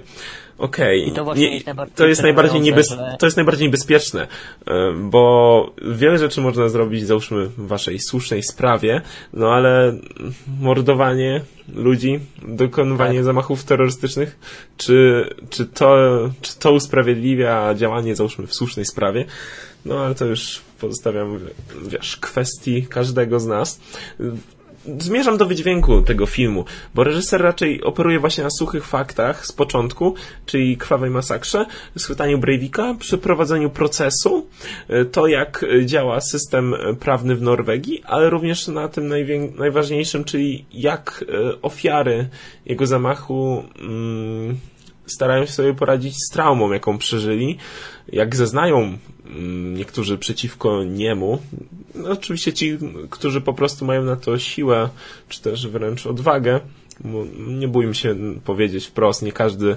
by był w stanie pójść na salę sądową i stanąć twarzą twarzy z kolesiem, który wymordował ci twoją, twoich bliskich przyjaciół i prawie by cię zabił. No, wiesz, to, to, do tego też trzeba mieć jednak trochę odwagi. Tak, prawda. E, I do tego momentu wydźwięk filmu mi w zupełności odpowiada. Nie, nie moralizuje na siłę, nie buduje swojej narracji, każdy może wynieść z niego coś, co chce, w szczególności, że jest to dość trudny temat i dość trudny film, nie oszukujmy się. Jednak w końcówce mamy dość patetyczne sceny, sceny na przykład e, ułagodzenia premiera, jego polityki, jaką załóżmy prowadził. To na przykład nie uwierzę, bo pamiętam ten okres, jak i do tej pory jeszcze rodziny ofiar mają za złe, niektóre oczywiście rodziny ofiar mają za złe to, jak była prowadzona w Norwegii w tamtym okresie. I tutaj mm, zachodzi, pojawia się taka jedna scena, która mnie zniesmaczyła. Może jakby reżyser to bardziej wyjaśnił, że tam w tym pokoju byli zwolennicy, ale nakreśla ją. Spotykają się rodziny, y, ofiar z premierem. Y, poklepują go po ramieniu, głaszczą go słowami takimi jak, że to nie twoja wina, panie premierze, nie, może, nie ma pozwolenia na terroryzm, e, wszystko jest ok, to jest tylko i wyłącznie jego wina. W szczególności to się kłóci z początkowymi scenami z, rodzin, z rodzinami, które miały za złe premierowy, bo były takie sceny. I tutaj mhm. w tym pokoju pojawia się taki wydźwięk, to jest dosłownie końcówka filmu, to, że wszystko co złe, e, to wina Breivika, owszem, ale nie, rób, nie stawiajmy pomnika o osobie, która nie do końca, załóżmy, na to zasługuje, bo tutaj nikt nie jest do końca bez winy. Oczywiście największą winę ma ponosi Breivik, e, tylko chodzi mi jedynie o te moralizatorstwo, e, że e, że nie lubię, jak ktoś wtacza jakąś swoją ideologię bezpośrednio w ton filmu, który miał tak, zupełnie prawda. inny wydźwięk. Szczególnie mi się podobała scena jak postać tego mm, tak się nazywa postać chłopca, który e, który skonfrontował się z Breivikiem na sali rozpraw. Dość mocna scena, bo pokazuje jednocześnie swój dystans i swoją odwagę e, ten chłopak i podobało mi się to, że przez ciebie, jak mów wprost, bodajże, popraw mnie, jeżeli się mylę, bo ten film już oglądałem już jakiś czas temu, ale on powiedział wprost do, do Breivika, że, e, że mam w głowie, chyba nawet do widowni, że mam w głowie kulkę, która z, w każdej chwili może, mnie zabić. zabić. Tak, tak, bo... Tak. Mam fragment kuli, którego nie dało się, której nie dało się usunąć. Dokładnie. To było na tyle mocne i na tyle, mm, załóżmy, bo on już był, wiesz, miał została mu tylko blizna, był przed w garniturze ułożony, ale sam ten wydźwięk, minął już trochę od czasu, od tej całej katastrofy, znaczy Boże, zamachu w tym filmie. E, i mm, pojawia się chłopak w garniturze, uczesany, wiadomo, że jego ofiara i daje ci taki przykład, którego nie widzisz, bo, ale, ale masz gdzieś z tyłu głowy to, że koleś padł ofiarą i całe jego życie może wyglądać przez to zupełnie inaczej, bo w każdej chwili może zginąć. I to jest na tyle mocny wydźwięk, tak, cała konfrontacja z Breivikiem, że ja bym mhm. zamknął to idealnie klamrą. Nie chcę tutaj Dokładnie. wychodzić na recenzenta, który mówi, co by zrobił lepiej, no bo nie byłem na stołku reżysera nigdy, ale chodzi mi o to, że nie potrzebowałem nic więcej, nie potrzebowałem usilnego, usilnego umoralniania. Nie, może masz inną opinię, ale... Wydaje mi się, że ten finał mógł być, że tak powiem, e, stargetowany pod osoby, które ten, ten film zainteresuje najbardziej, czyli właśnie pod Norwegów, bo e, dla osób z centralnej wschodniej Europy, które mają inne podejście do takich kwestii właśnie jak terroryzm, jak, jak, e, jak należy podchodzić do zbrodniarzy, do, do, do tych, którzy takie, takie, takie zamachy dokonują, to właśnie Norwegowie są jednak tacy bardziej spokojni, ułożeni i, że tak powiem, nie zależy im na zemście, zależy im na sprawiedliwości. E, I to, to, to powiedziałeś, że w tym filmie e, to nie jest tak, w scenie, w której właśnie rodziny pokrypywały premiera, mówiły, że to nie pańska wina, to Breivik jest zły. Dla mnie ta scena Dokładnie. po prostu wyjęta. Bo, Dla, najbardziej, że nie pasowała do tonu całego filmu. I to mnie tak, tak wstrząsnęło, no, że było, zaburzyła mi cały film. właśnie tak bardzo niepasująca ta scena, że e, nie, nie potrafię uwierzyć, choćby, choćbyśmy mówili o najbardziej spokojnym narodzie na świecie. Nie, nie mhm. jestem w stanie uwierzyć w to, że tracisz swoje dziecko, przychodzi przedstawiciel władzy i tłumaczy się przed tobą, że to jest jego wina, że to on wszystko jest wszystko Tak. odpowiedzialny. A ty go poklepujesz po ramieniu. Przytulasz i mówisz, nie, nie, to pan nie trzymał tego karabinu, to trzymał Tak. to Breivik. Dlatego, to- wiesz, ja myślę, że ewentualnie to tu wytłumaczy reżysera to, że załóżmy on się spotkał ze swoimi zwolennikami w tym pokoju. Bo na przykład inne rodziny chciały go widzieć. Ale to z drugiej strony, to niech mi to reżyser y, i twórcy filmów pokażą, y, że właśnie tak to wyglądało, że część na przykład nie chciała się z nim spotkać. Taki dwa punkty widzenia, że są rodziny, Tak. które pociszały premiera, a były rodziny, które go hejtowały. To wtedy bym uwierzył w taki kontekst tej sytuacji. Ale właśnie Dokładnie. powiedziałeś, że e, żeby właśnie tu powiedziałeś, żeby nie stawiać pomników Breivikowi tak oczywiście takim metaforycznym, żeby nie Tak, wskazywać, że tylko on jest zły, bo jak powiedziałem wcześniej, wydaje mi się, że do takiego zamachu e, doszło w Norwegii z tego względu, że mm, co kraj to obyczaj i nie da się ukryć, że im dalej na północ do krajów skandynawskich, to poziom tolerancji do różnych rzeczy rośnie i to, jak Mhm. pokazała właśnie e, sytuacja na wyspie Utoja, nie wszystkim mieszkańcom tego regionu musi się podobać. Dokładnie. Oczywiście ja nie, nie mam zamiaru tutaj pochwalać tego, co zrobił Breivik, ale wychodzi mi na to, że moja myśl jest taka, że e, społeczeństwo mm, tolerując wszystko, nawet taką właśnie skrajną prawicę, mm, może powodować, że do takich tragedii oby nigdy nie doszło, ale nie możemy po tym 22 lipca powiedzieć, że tego nigdy nie dojdzie. Bo właśnie ja miałem okazję być w Norwegii e, kilka Mhm. lat temu, gdy polowałem na zorze polarne w, e, w mieście Tromso. O, I co prawda nie poznałem zbyt wielu Norwegów, bo nie było okazji, bo to, jest, to są ludzie naprawdę bardzo zamknięci w sobie. Kiedy chciałeś się z kimś przywitać, powiedzieć, hi, hello, I'm from Poland, how are you? Mhm. To odpowiedzią było tylko hi, how are you? I tematu. czyli mało w sobie mają z Amerykanów. No tak. e, Dokładnie. No to Ale czyli... też mają, tak, mają taką cechę, która mnie trosz- taką, która mnie osobiście zszokowała, bo byłem świadkiem dzień po dniu e, takich wydarzeń, że w związku z tym, że na zorze zazwyczaj czeka się w nocy, No tak, Dni. zazwyczaj. dni, dni upływały nam na, na zwiedzaniu i widziałem właśnie dzień po dniu takie sytuacje, gdy e, robiąc zakupy w supermarkecie, e, synek kłócił się z mamą. Aha. I no to, to jest widok jak, na, jak w każdym supermarkecie na świecie, że jakieś Tak, zdarza się i w Biedronce nawet, więc... Tak, dokładnie. No Tak. i są krzyki, wrzaski i tak dalej, ale to, to co mnie zadziwiło, że na krzyki tego dzieciaka nie zareagował nikt, łącznie z matką.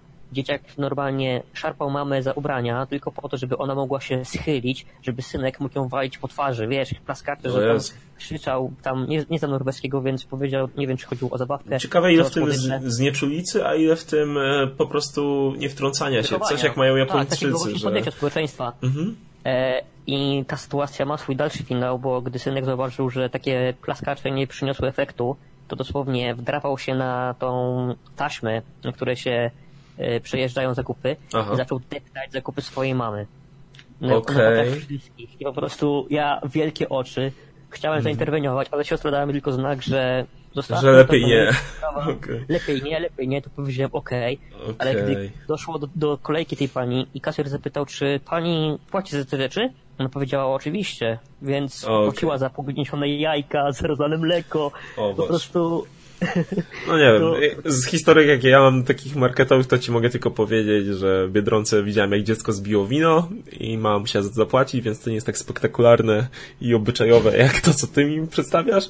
No i ostatnio też odbierałem jeszcze tego słodziaka z Biedronki, bo teraz jest taka moda i był to ryś, e, a pani w kasie powiedziała, że to jest tygrys, więc ja nie wiem. Nie wymagam, żeby każdy był po prostu, wiesz, biologiem, ale to jest ewidentnie ryś, nie tygrys. Dobrze. Ale już koniec takich anegdot. Zmierzając do, mm, do finału, jeżeli chodzi o, e, o nasz stosunek do 22, dru- do 22 lipca, ale mi chodzi o film, a nie o wydarzenia, jakie miało w tym miejsce, e, to sam film jest mm, zbudowany całkiem porządnie. Jest to dobrze zrealizowana produkcja, którą każdemu polecam przynajmniej, żebyście mogli obejrzeć e, tę dramatyczną scenę początkową, bo jest ona naprawdę pokazana fenomenalnie, jeżeli mogę się tak wyrazić, po prostu bardzo realistycznie, o to będzie lepsze słowo, bardzo Mhm. realistycznie. Zostawia w podświadomości na pewno właśnie całą tę historię, będzie się o niej pamiętało. Do tej pory się o niej mówi, Breivik ma coraz więcej zwolenników. Również e, niestety. Komen... niestety e, również komentuje sytuację Breivika, to w jakiej się znalazł i podejście Norwegów do tego w pewnym stopniu, bo później jak już mm, tutaj z kolegą prezydentem stwierdziliśmy, że film się trochę no, usilnie stara umoralniać pewne rzeczy. E, tak finalnie, no Breivik dostał 21, 21 lat w więzieniu. Tak, to jest chyba najwyższy wymiar. Tak. więc ma 21 lat, czy, albo tam 22 lata. Tak. I po odbyciu tej kary będzie podobnie sądzony i prawdopodobnie dostanie drugie tyle. Dokładnie. Co było zawarte w filmie e, i powiedziane w napisach bodajże końcowych. Także mm, jeżeli liczycie tutaj w na jakiś spektakularny, dramatyczny film raczej nie. Ma tutaj, jest tutaj bardziej stawiane wszystko pod stadium psychologiczne, e, czyli powolna akcja, trauma bohaterów. To jest bardzo dosyć mhm. wiarygodnie przeprowadzone, tym bardziej ciekawe wątki, e, jak właśnie ten e, prawnika, to jakie miał podejście do Breivika. Sam Breivik, postać jest jak dla mnie świetnie zagrana przez Andersa Danielsena Lee tak się... Tak, w swojej roli, w swojej roli wypadł naprawdę dobrze, bo nie dość, że jest fizycznie podobny do, do prawdziwego Breivika, to dodatkowo jego mimika i jego zachowanie pokazują właśnie taki chłód, jak tak. Clint Eastwood. Jest to dobre słowo. Aczkolwiek w jednej ze scen, kiedy e, podczas procesu e, w że tak powiem, w ramach świadka wystąpił przedstawiciel ugrupowania skrajnie prawicowego, który właśnie nie wyparł się, że jego organizacja jest zbieżna z tym, co mhm. reprezentuje Breivik, ale nigdy w życiu nie popiera takiego typu działania, to tak. później ten aktor właśnie pokazywał taką wściekłość, że poczuł się zdradzony przez właśnie tych, mhm. E, z którymi myślał, że ma taką więź polityczną. I tak. to pokazało właśnie kunszt tego aktora, jak właśnie czuł się w rolę i on, że tak powiem, stał się postacią, co jest, co jest rzadko spotykane właśnie w aktorstwie, tym bardziej, że nie mówimy o hollywoodzkiej produkcji, tylko o filmie zrobionym przez Netflixa. Dokładnie, bo film możecie obejrzeć na Netflixie. Co mnie bardzo cieszy, że Netflix sięga po coraz e, ciekawsze produkcje i coraz ciekawsze tematy. Przede wszystkim ten sposób dystrybucji jest na tyle satysfakcjonujący, że mamy tutaj do czynienia z e, europejskim kinem, bo ten film zorganizowali i Szwedzi, z tego co pamiętam, zaraz, a nie, Islandia, Norwegia, USA miała do czynienia z produkcją, jeżeli chodzi o produkcję e, bardzo mnie cieszy to, że Netflix właśnie sięga po tego typu kino, chociaż bohaterowie mówią wszyscy po angielsku, mm, są momentami, mm, są momenty, kiedy mówią w swoim ojczystym języku, jednak w głównej mierze widać, że film chciał trafić do większego grona odbiorców. Mam nadzieję, tak, że... Nie wszyscy, nie wszyscy, lubią czytać właśnie napisy. Tak właśnie powiedzieć, to jest troszeczkę był minus filmu, że e, nie to, że tracił na wiarygodności, ale no, wydaje mi się, że byłoby jeszcze więcej realizmu, gdyby bohaterowie właśnie E, posługowali się językiem norweskim. Tak, czasami akcent bolał, ale akurat nie było aż chyba nadto tyle kwestii, z wyjątkiem tych prawniczych, e, do wypowiedzenia przez młodszych aktorów, e, którzy wypadli właśnie przez to lepiej, że mało mówili i bardziej kumulowali wszystko w sobie, co było na tyle wiarygodne z ich traumą, że, że wyszło ok mimo tego umoralniania pod, na koniec, bo naprawdę byłem zdziwiony tym, bo film sugerował mi coś zupełnie innego na samym początku, to jestem pozytywnie zaskoczony. Czekałem na ten film, bo nie ukrywam, że miałem już wcześniej go na swojej tam liście do obejrzenia na Netflixie i chciałem go obejrzeć tylko jak wyszedł. I jak tylko wyszedł, to dzień później go obejrzałem i jestem, jestem może nie tyle co zaskoczony, ale stwierdzam, że Paul znowu odwalił kawał porządnie zrealizowanego tak, kina, tak, które warto jest, obejrzeć. Kino, to jest kino, który, że tak powiem, e, to nie jest film, o którym będziesz się, myśl, się rozmyślało przez dni i tygodnie, ale naprawdę te półtorej godziny, mimo że to jest głównie roz, e, sprawa, akcja toczy się na sali rozpraw na e, salach szpitalnych, gdzie główny bohater dochodzi do zdrowia, to mimo tego ten film nie, się nie, nie dłuży, nie, nie nudzi się, bo pokazuje właśnie determinację tego głównego bohatera do tego, jak po takim, takim wstrząsie stanąć na nogi nie tylko w sensie fizycznym, ale na tyle mentalnym, by pokazać Breivikowi na tym właśnie procesie, że można mimo wszystko żyć dalej, co dla mnie jest po prostu dowodem hartu ducha, bo wydaje mi się, że po czymś takim człowiek już nigdy nie uzyska spokoju, bo skoro udało ci się przeżyć zamach terrorystyczny, to wydaje mi się, że może to być, zmienić twoje nastawienie do końca życia, że nieważne gdzie pójdziesz, do jakiegoś masowego miejsca, że zaraz się zacznie, bo skoro wcześniej miało się nigdy nie zdarzyć, a przeżyłeś taki dzień, to nigdy nie wiesz, czy to nie, nie nastąpi ponownie, prawda? Dokładnie. E, no, zmusza ten film na pewno do refleksji. E, świetnie to ująłeś. Myślę, że chyba to wszystko odnośnie 22 lipca. Zachęcamy do obejrzenia. Film, Oczywiście. Film trwa tam ponad dwie godziny. E, jest dostępny na Netflixie, więc prawie dla każdego. Także to wszystko.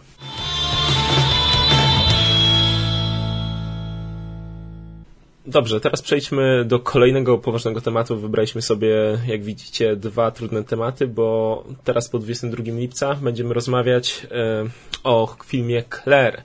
I na filmie Claire byłem z prezydentem Pieseł w kinie, razem poszliśmy na premierę, na pokaz premierowy. Dokładnie. Tak. E, I powiem wam, że takiej frekwencji na stali kinowej nie widziałem od ostatnich Star Warsów, to było tam The Last Jedi i wtedy dla mnie sala wydawała się zapchana, jak to zawsze bywa w grudniu na Star Warsach, ale na klerze sala była zapchana naprawdę po brzegi, nawet te miejsca totalnie boczne, przekrój społeczny ludzi od najmłodszych do najstarszych. Nigdy mm, czegoś takiego jeszcze nie doświadczyłem na żadnej premierze e, kinowej, jeżeli chodzi o frekwencję co później się odzwierciedliło w rekordach, jakie ten film bił w polskich mhm. kinach. I właśnie jeżeli chodzi o to bicie rekordów, to muszę personalnie powiedzieć, że nie podoba mi się e, mówienie o tym, że Claire już prześcignął Quo Claire już prześcignął Ogień i Mieczem Tadeusza, bo e, umówmy się, te filmy, które przed chwilą wymieniłem, swoją frekwencję nabiły dzięki wycieczkom szkolnym, które przerabiały lekturę oglądając film. Jak mawiał Wajda. tak. No dobrze, kontynuuj. Filmy na to szkoły pójdą. Tak, szkoły pójdą. Ja no. pamiętam, że w ramach przerabiania lektur chodziłem właśnie na, na, na, filmy i moja poloniska mówiła, że dzięki temu wyrobi się z programem i chociaż uczniowie naprawdę nie przywiązywali uwagi do treści filmu, zwłaszcza kiedy było mówione 16 z głoskowcem, to grunt, że film zaliczony, lektura zaliczona, więc wydaje mi się, że mówienie o frekwencji tych filmów w porównaniu tym, co nabił Claire, jest niepoważne, bo y, teraz jak rozmawiamy, to Claire przekroczył barierę 4 milionów y, widzów, a trzeba pamiętać, że y, skala tych sprzedanych biletów rosła z tygodnia na tydzień. Tak, na pewno cieszy mnie, że pobił rekord takich średnich filmów, a niektórych nawet złych jak Pitbull.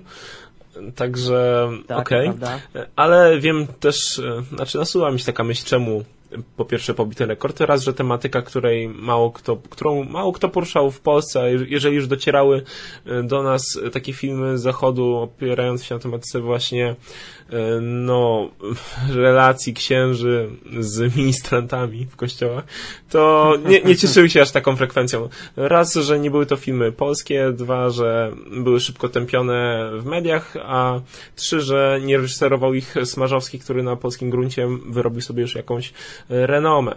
Przede wszystkim... Tak, ma swój mm, styl. Tak, Smarzowski ma swój styl. Mm, na przykład moimi, no myślę, że możemy teraz poruszyć temat Wojciecha Smaczowskiego i powiedzieć, jakie filmy jego wywarły, tak na szybko, jakie filmy jego wywarły na nas największe wrażenie. Na pewno do moich, do mojej czołówki filmów zalicza się Dom Zły. To był mhm. fatalnie reklamowany film, bo na plakatach widniał chyba napis coś w stylu kino w stylu Quentina Tarantino, co nijak się kompletnie miało. Nowe Fargo, coś takiego. Tak, coś takiego, nowe Fargo, w ogóle takie kuriozalne teksty. Ja, ja mi się wydaje, że Smarzowski do tej pory ma tych samych speców od marketingu, bo Claire również miał promocję dość, dosyć kontrowersyjną i trailer sugerował zupełnie coś innego, co otrzymaliśmy, ale to zaraz. Dalej na pewno chyba moim ulubionym filmem, oprócz Dom Zły, bo Dom Zły miał to do siebie, że miał ciekawie przeprowadzoną historię i był ciekawie zrealizowanym jakby kryminałem, który miał poszatkowaną akcję względem względem rozwoju, e, ale na pewno najlepszym jego filmem jak dla mnie jest Róża. E, Róża jest o tyle ciekawa, że tam faktycznie nic nie jest czarno-białe, podobnie jak w większości jego filmów. E, jednak najbardziej chyba trzyma w napięciu. To jest film, który, którym wiesz, że może zdarzyć się coś złego w każdej chwili, No i no cóż, taki film w stylu, no co mogło pójść nie tak? No dokładnie, dosłownie wszystko. Pytanie tylko, kiedy to nadejdzie. No, świet, świetnie mhm. zrealizowany film.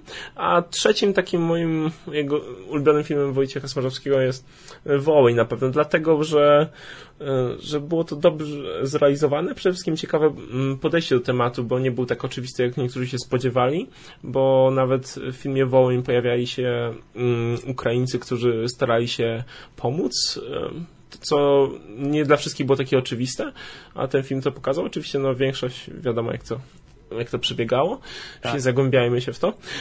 Ale chcę jeszcze podsumować to, że nigdy w żadnym, żadnym filmie mm, długo mm, nie siedziała tak długo publiczność. Przynajmniej jak ja byłem w sali kinowej, wszystkich normalnie zatkało. E, ja już byłem dosyć późno na tym filmie, kiedy na sali było mało osób, więc może nie mam takiego skali w odniesieniu, w odniesieniu do jakiejś premiery, ale no po prostu dla mnie ostatnie sceny, no ten film wywarł wielkie na mnie wrażenie, bo czułem się taki zbrukany po tym filmie, e, dostałem coś, e, co mną wstrząsnęło, zrozgotało i chyba od tego jest właśnie Wojciech Smarzowski, że realizuje takie filmy, a nie inne. No dobrze, teraz powiedz prezydencie, jakie ty lubisz E, filmy Wojciecha, albo przynajmniej. Jeżeli chodzi właśnie o, o Smarza, no to mój typ się pokrywa z twoimi wyborami, ale jeszcze co mnie fascynuje w tej postaci, to jest wpływ na widzów, bo e, nie wiem czy pamiętasz, ale gdy właśnie Wołyń wchodził do kin, to miał mhm. olbrzymie problemy finansowe, bo żaden bank, instytucja nie chciała tego filmu promować. No bo temat był tak ciężki, że sponsorzy mówili sorry, ale to jest tak ciężki temat, że nie chcemy się być e, stroną w jakiejś debacie. On był chyba crowdfunding, crowdfunding tak, wszedł do akcji, nie? Nagrał, nagrał, filmik na YouTube, gdzie powiedział, że drodzy widzowie, film jest prawie gotowy, ale zabrakło nam chyba milion z kawałkiem do nakręcenia bardzo istotnych scen i widzowie e, zwrócili się na taką, na tą właśnie na crowdfunding i e, na te, na te dokrętki. I to właśnie świadczy o poziomie tego człowieka, jakie on tematy wybiera, bo od kilku lat Smolowski, że tak powiem, nie opuszcza gardy, bo była Drogówka, która też była szeroko komentowanym filmem. Potem był Wołyń. Teraz dostaliśmy film, który zapisze się w, w debacie publicznej na lata, bo jeszcze, jak sam powiedziałeś, jeszcze nigdy nie było w Polsce takiego filmu, który, który poruszałby temat, który y, wiadomo, że ten temat istnieje i że warto że o nim mówić, żeby, żeby go niwelować, ale nikt się tego nie chciał podjąć i właśnie wtedy wchodzi Stożowski ze swoim filmem. Właśnie kiedy ja zobaczyłem trailer e, w kinie, to po prostu oczy zrobiły się wielkie jak spotki, bo pomyślałem sobie, spojrzałem na zegarek i na ekran powiedziałem, co się dzieje. W takim czasie, przy takiej, przy takiej partii, a nie innej, taki film w kinach. Wiesz co? Mnie ominęła kompletnie, e, ominął mnie kompletnie ten boom na, po trailerze jakoś, no, widziałem jakieś kontrowersje z tym związane, machnąłem na to ręką, bo myślałem, znowu Wojciech Smarzowski, jego spec od marketingu. Dopiero chyba szef pracy mi polecił obejrzeć ten trailer czy coś. Obejrzałem takie, ja pierwsze, co ja właśnie widzę, to się dzieje. I, no właśnie, bo i nie, wiadomo, okay. nie wiadomo po trailerze czego się spodziewać, bo niby są elementy komediowe, że to tam sobie tak, księża sobie śpiewają. To bardzo głośno sugerowane, takie elementy. Ja myślałem, byłem po prostu, wiesz, i poprzednie trailery, chociaż do Wołynia trailer też był słaby, bo sugerował troszkę bardziej jakieś love story, melodramat, a kompletnie ten film o tym nie był. Nie wiem, może musi naprawdę Smarzowski zainwestować w sposobem marketingu, chociaż po sukcesie Claire raczej wątpię.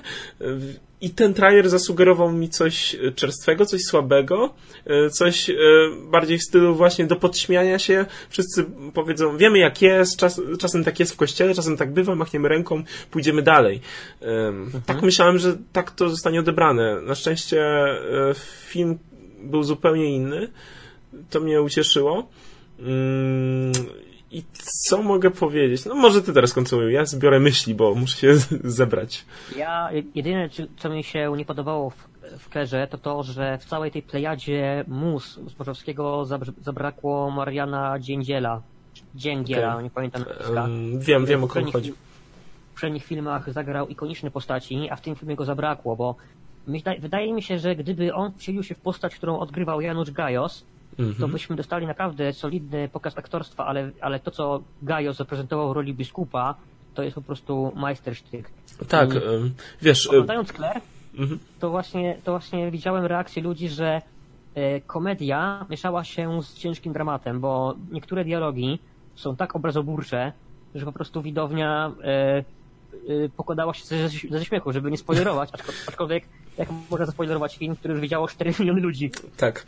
E, w każdym razie chcia... już wiem do czego zmierzałem i do czego musiałem się zebrać. Zmierzałem do opinii o Smarzowskim, które pojawiły się przed filmem i one nie były opiniami od e, partii rządzącej, powiedzmy sobie szczerze. To nie był jakiś tam szeptany marketing związany z tym, nie na ten film. To były opinie od dość znanych recenzentów. Dla ludzi, którzy tam czytają recenzję, z pewnością będą wiedzieli o kogo chodzi. Chodzi mi o to, że E, po tym trailerze pojawił się taki hejt na Smarzowskiego, który jakby zaszufladkował go. Przez co, co nie jest fajne oceniać film przed e, jego premierą. To jedna rzecz. Dokładnie. Chociaż on tam był na paru festiwalach jednak, jednakowoż puszczany. Aczkolwiek, jeśli mhm. mogę trącić, e, Claire, kiedy miał swoją premierę na, na festiwalu w Dyni, mhm. miał dostać nagrodę Złoty Klakier, czy Klakier Publiczności. To była nowa, nowa statuetka, tak która przyznawano najbardziej oklaskiwanemu filmowi na festiwalu. I gdy Claire miał owację na stojąco, która trwała 12 minut, czy 11 minut, to mhm. okazało się, że nagrody nie można przyznać, bo były jakieś problemy z urządzeniami. I takie właśnie zachowania mhm. wokół tego filmu na, tylko napędziły mu oglądalność. Tak. E, no wiadomo, pojawiły się wtedy opcje antypartyjne i mocne promowanie tego filmu, no bo nie szukujmy się, to było zwykłe hamstwo, niewręczenie tej statuetki. Słyszałem też o tej sytuacji, no ale co zrobić? Mm, takie jest życie obecnie. E, chciałem jeszcze dodać e, właśnie odnośnie tych recenzentów i opinii o niektórych recenzentów i opinii o Smarzowskim, że zaczęło się szufladkowanie Smarzowskiego jako osoby, która bierze jakąś konkretną grupę grupę społeczną, dajmy na to policjantów z drogówki, e, dajmy na to księży Skler, czy też e, no właśnie kogo jeszcze, bo tak szczerze mówiąc... No właśnie też A, Meneli, Meneli z pod ostatnim aniołem? Tak? Tak, tak, e, był ten motyw. Jednak on, to nie było coś na zasadzie... Wiodący. tak, to nie był wiodący motyw i to nie było jakieś tam, wiesz, szarganie opinii akaowców to nie było nic deseń. Tak samo mm, jeszcze chciałem powiedzieć o Meneli, e, tak w cudzysłowie, e, z tym podnocnym aniołem? Jakoś tak, tak, ten film się nazywał. Dokładnie. I pojawiły się głosy, że Smarzowski bierze tę konkretną grupę społeczną, daje, wciska im alkohol, wódkę, wręcza parę mm, śmiesznych tekścików dla, dla patoli, tak w cudzysłowie oczywiście, bo, bo takie po prostu głosy się pojawiły. I tyle. I tym jest Wojciech Smarzowski. No, kompletnie się z tym opinią nie zgadzałem. Pomyślałem, że no, najwidoczniej te osoby może widziały ten kler na tym festiwalu i, i faktycznie zaniżył poziom, co uprawnia je do, do takich, ro, takich opinii o reżyserze tego filmu. Jednak oglądając Claire, no zupełnie stwierdzam co innego. Smarzowski nadal trzyma poziom. Robi filmy lepsze, niektóre trochę gorsze jednak no, Claire na pewno jest tym filmem, który warto obejrzeć. E, filmem, który porusza mm, wiele dyskusji, który wzburza wiele osób, w szczególności tych, którzy tego filmu nie widzieli i wyrobili sobie o nim opinię. Więc po prostu zachęcam te osoby, żeby obejrzały ten film. Nie jestem jakimś mhm. tam y, sługą szatana, więc nie bójcie się, że wam to wciskam do głów. Po prostu y, wiem, że opinie y, skrajnych no, może nie skrajnych, niektórych ludzi, którzy są zwolennikami tam jednej z opcji, e, są całkowicie wyjęte, całkowicie wyjęte z kontekstu, bo w Claire, w Claire nie jest tylko nagonką na Kościół, przede wszystkim pojawia się e, tam wątek księdza, który został niesłusznie oskarżony o pedofilię, Oczywiście w recenzjach w niektórych magazynach katolickich tego nie znajdziecie, że taki wątek w ogóle istnieje. Ciekawe dlaczego. Więc y, jak Smarzowski pokazuje po raz kolejny, nie wszystko jest czarno-białe jak sutanna, tylko życie bywa czasami szare, więc, więc takie są, taki jest skler po prostu. Kolejny cytat od właśnie ciastka. Nie wszystko jest czarno-białe, tam. tak, dokładnie. E, dobrze, to może przejdziemy do omówienia narracji, czy chcesz coś jeszcze dodać? E, tak, jeśli chcę powiedzieć, że w sprawie tych recenzentów, których opowiadałeś przed chwilą, e, że wyrobili już sobie zdanie na temat filmu i zakwalifikowali Smarzowskiego do odpowiedniej kategorii reżyserów mhm. i tego, w jaki sposób robi filmy. Ja się zastanawiam, jak te postaci, jak ci recenzenci opiszą inny film, który jest odpowiedzią na e, Claire, e, bo telewizja polska już w tym momencie chyba dopina na, na ostatni guzik produkcję filmu Klecha. To jest opowieść o bohaterskim e, księ... Mm, Księciu. Nie, księdzu. Taką słowa. No dobrze. Który, który e, na, na, na podstawie prawdziwej historii e, nie dawał się złamać e, UB, która mhm. starała się go wszystkimi metodami zmusić do współpracy. I oczywiście ten film powstał bardzo szybko i jest zupełnie niezwiązany chyba z taką społeczną Ależ oczywiście, w żadnym wypadku, w żadnym wypadku. Nie, pierwszy, nie słyszałem o tym, zaskoczyłeś mnie mówiąc e, to, że taki film powstaje. Cóż, każdy no ma mieć prawo swój... Każdy... Tego się właśnie obawiam, że ten film będzie tak zły, że mhm. jego promocja po prostu kuleje. Jego premiera już miała być miesiąc temu, a do tej pory nie ma ani trailera, y, żadnych informacji w mediach. Trzeba szukać informacji o tym filmie, który miałby być taką który pretenduje do tego, żeby być odpowiedzią na najgłośniejszy film w Polsce po 1989 roku. Nie wróży temu większego sukcesu i wydaje mi się, że Mirosław Baka będzie mieć na swoim koncie e, Złotą rolę, malinę. Będzie, tak, Złotą malinę co najmniej, bo nie lubię filmów robionych na szybko na tematy, na, na polityczne zlecenie, bo nie ukrywajmy, jest parę takich filmów, znaczy może nie parę, jest, jest taki jeden film, o którym wiadomo, jaki ten mam na myśli. tak, wiem. E, I tak, takie, takie tworzenie takich filmów jest po prostu złe, bo mm, niektóre wydarzenia historyczne zasługują na ukazanie ich w takim kontekście, by pamięć o tym filmie i jednocześnie o tych wydarzeniach przetrwała lata. A tworząc dany film na jedno kopyto, żeby pokazywać tak, jak mówi dana partia, powoduje, że taki film będzie wyśmiany i szybko zapomniany. W zupełności się zgadzam. Właśnie e, chciałem to powiedzieć, że mm, mamy, załóżmy, mm, ciekawą historię o... Nie znam, nie znam kompletnie narracji, fabuły, ale mamy, załóżmy, ciekawą historię o księdzu, który czymś się zasłużył i jeżeli ma to być jako film potraktowany tak właśnie po macoszemu, jako jakaś szybka odpowiedź, no to cóż, szkoda po prostu fabuły. Potencjału historii. Potencjału, dokładnie, szkoda potencjału na taki film. No ale dobrze, e, wróćmy w takim razie do narracji. Każdy ma mieć prawo swój kler, więc niech mają. Wróćmy tymczasem do tego oryginalnego, od Wojciecha Smarzowskiego i co się wysuwa na najpierwszy plan w klerze? Przede wszystkim mm, historia, historia, która się rozchodzi na trzy Mm, trzy wątki fabularne, trzy główne wątki fabularne, które przez jakiś czas w ogóle ze sobą nie są powiązane. Mamy jakby trzech księży, którzy spotykają się na e, libacji alkoholowej.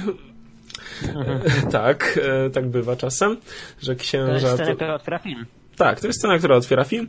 E, każdy z tych y, księży upija się w jakiś tam swój umiarkowany bądź mniej sposób i zmierza w stronę swojej linii fabularnej. Mamy księdza, którego, którego wciela się Jakubik. Mm, jest to jaki ksiądz Andrzej Kukuła. Oczywiście tu się wspomagam, bo nie zapamiętałbym tych imion. No może poza arcybiskupem mm, Mordowiczem, którego odgrywa tutaj Gajos. W każdym razie genialnie, genialnie odgrywa. W każdym razie ksiądz Andrzej Kukuła będzie tutaj wątkiem, o którym tak mało wiedzą osoby, które każą nie iść na ten film, czyli księdzem, który został niesłusznie oskarżony o molestowanie e, chłopca, ministranta właściwie. Mamy również e, księ... i on należy do społeczności takiej małomiasteczkowej, jak śpiewał Dawid Podsiadło, czyli, e... czyli mamy tutaj księdza, który no po prostu służy na parafii, jest proboszczem na parafii takiej no, mia, mia, miastowej, można by tak powiedzieć. Nie jest to jakieś miasto, jest to po prostu lepsze miasteczko. Mamy również... O, e, dokładnie. dokładnie. miasteczko. Tak, to jest takie większe miasteczko. Mamy również księdza, e, którego gra Robert Więckiewicz, jest to ksiądz Tadeusz Trybus. W każdym razie ksiądz Tadeusz Trybus no, jest tutaj chyba najbiedniejszym, jeżeli tak można powiedzieć, z księży, bo ląduje e, na totalnej mieścinie, na totalnej wsi, gdzie cudzołoży. Taki jest jego wątek. Tak, i to też był wątek, który rozbawił w niektórych kwestiach publiczność, bo Mhm. E, żeby nie robić spoilerów, to pada fajny tekst na temat tego, gdy ksiądz dowiaduje się, że jego partnerka jest w ciąży i dlaczego się nie zabezpieczała. Ale to lepiej zobaczyć w kinie i zobaczyć reakcję publiczności. Mi się bardziej spodobał tekst, e, odnoś- jak rozbił samochód i że z kolendy się zbierze. po, co, po co teraz go naprawiać? No ale tam taki, takich anegdotek jest mnóstwo. To jest kopalnia tekstów. Tak, e, to fakt. Jest, jest parę takich zdań, parę takich, takich scenek, dialogów, które pokazują, że księża to też są ludzie. Nieważne, czy to jest e, kleryk, ksiądz, biskup, arcybiskup, to są też ludzie z krwi i kości, którzy mają swoje, powiedzmy, wady. I to, co właśnie pokazuje Kler, że mm, to są, e, moim zdaniem, Kler nie generalizuje, nie opisuje całości kościoła. Mówi, że patrzcie, wszyscy są tacy. Ja tak tego nie odebrałem. E, w każdym stadzie trafią się powiedzmy czarne owce, Dokładnie. które właśnie, które zdają sobie sprawę, gdzie są, w jakim miejscu, co mogą na tym ugrać. Bo na przykład przecież postać grana przez e, Brasiaka, Oj, tak. który wykorzystując swoją pozycję ustawia przetargi na, na budowę świątyni opatrzności Bodrzej z gangsterami, to jest po prostu tylko Smarzowski mógł zrobić coś takiego w, swo w swoim filmie. Powiem ci, że ten wątek mnie najbardziej tak ekscytował, bo był takim momentami świetnie zrobionym political fiction. Nie mówię, że fiction, bo tutaj odnośnie, odnośnie Claire e, wiadomo, że większość, większość historii została zaczerpnięta z no, prawdziwych sytuacji. Był ksiądz, który założył, który się spodziewał dziecka. E, był ksiądz, który został niesłusznie oskarżony o pedofilię, no i był ksiądz, który ustawiał przetargi. No, tak, takie jest życie. Dlatego tak, niektórzy po prostu mylą um, święte osobistości, czy też bóstwa z postaciami księży, którzy są naprawdę tylko ludźmi. No i mamy postać jeszcze y, Gajosa, który odgrywa tę rolę arcybiskupa. Jest to chyba najbardziej, najlepiej zagrana rola w tym filmie. Tak mi się wydaje, bo jest najbardziej przerysowana. Y, nie oszukujmy się, tacy arcybiskupi raczej nie są, są bardziej może stonowani. Chociaż, no nie wiem, nigdy z żadnym nie rozmawiałem, z żadnym no nie piłem, nie, więc nie mam pojęcia. Nie mam pojęcia prywatnie. Sądzę, że Smarzowski teraz też już na pewno z żadnym nie będzie pił, więc, e, więc e, sądzę, że jednak dużo tutaj sobie, na dużo sobie tutaj pozwolił. Mm, myślę, że postać arcybiskupa jest tutaj takim bardziej pokazaniem kontrastu. Jest tutaj e, właśnie tym elementem komediowym, który musiał wkraść się w tego typu film. Jest jest totalnym degeneratem. Po prostu, jakby mógł być jakimś gangsterem, to z zupełności to mógł być, to mogłaby być postać jakiegoś gangstera w sutannie. Mhm. Tak, aż tak bardzo przerysowana postać, jednak e, nie ma jej aż nadto, nie pełni tej głównej roli w tej filmie. Jest tutaj bardziej właśnie tym elementem, elementem humorystycznym, który ma może zszokować, niekoniecznie na siłę, bo jego działania są wynikową różnych innych wątków. Bardziej tutaj się właśnie skupiałem na historii tych trzech księży, których tutaj wcześniej wymieniliśmy i są to naprawdę emocjonujące historie, niektóre bardziej, niektóre mniej.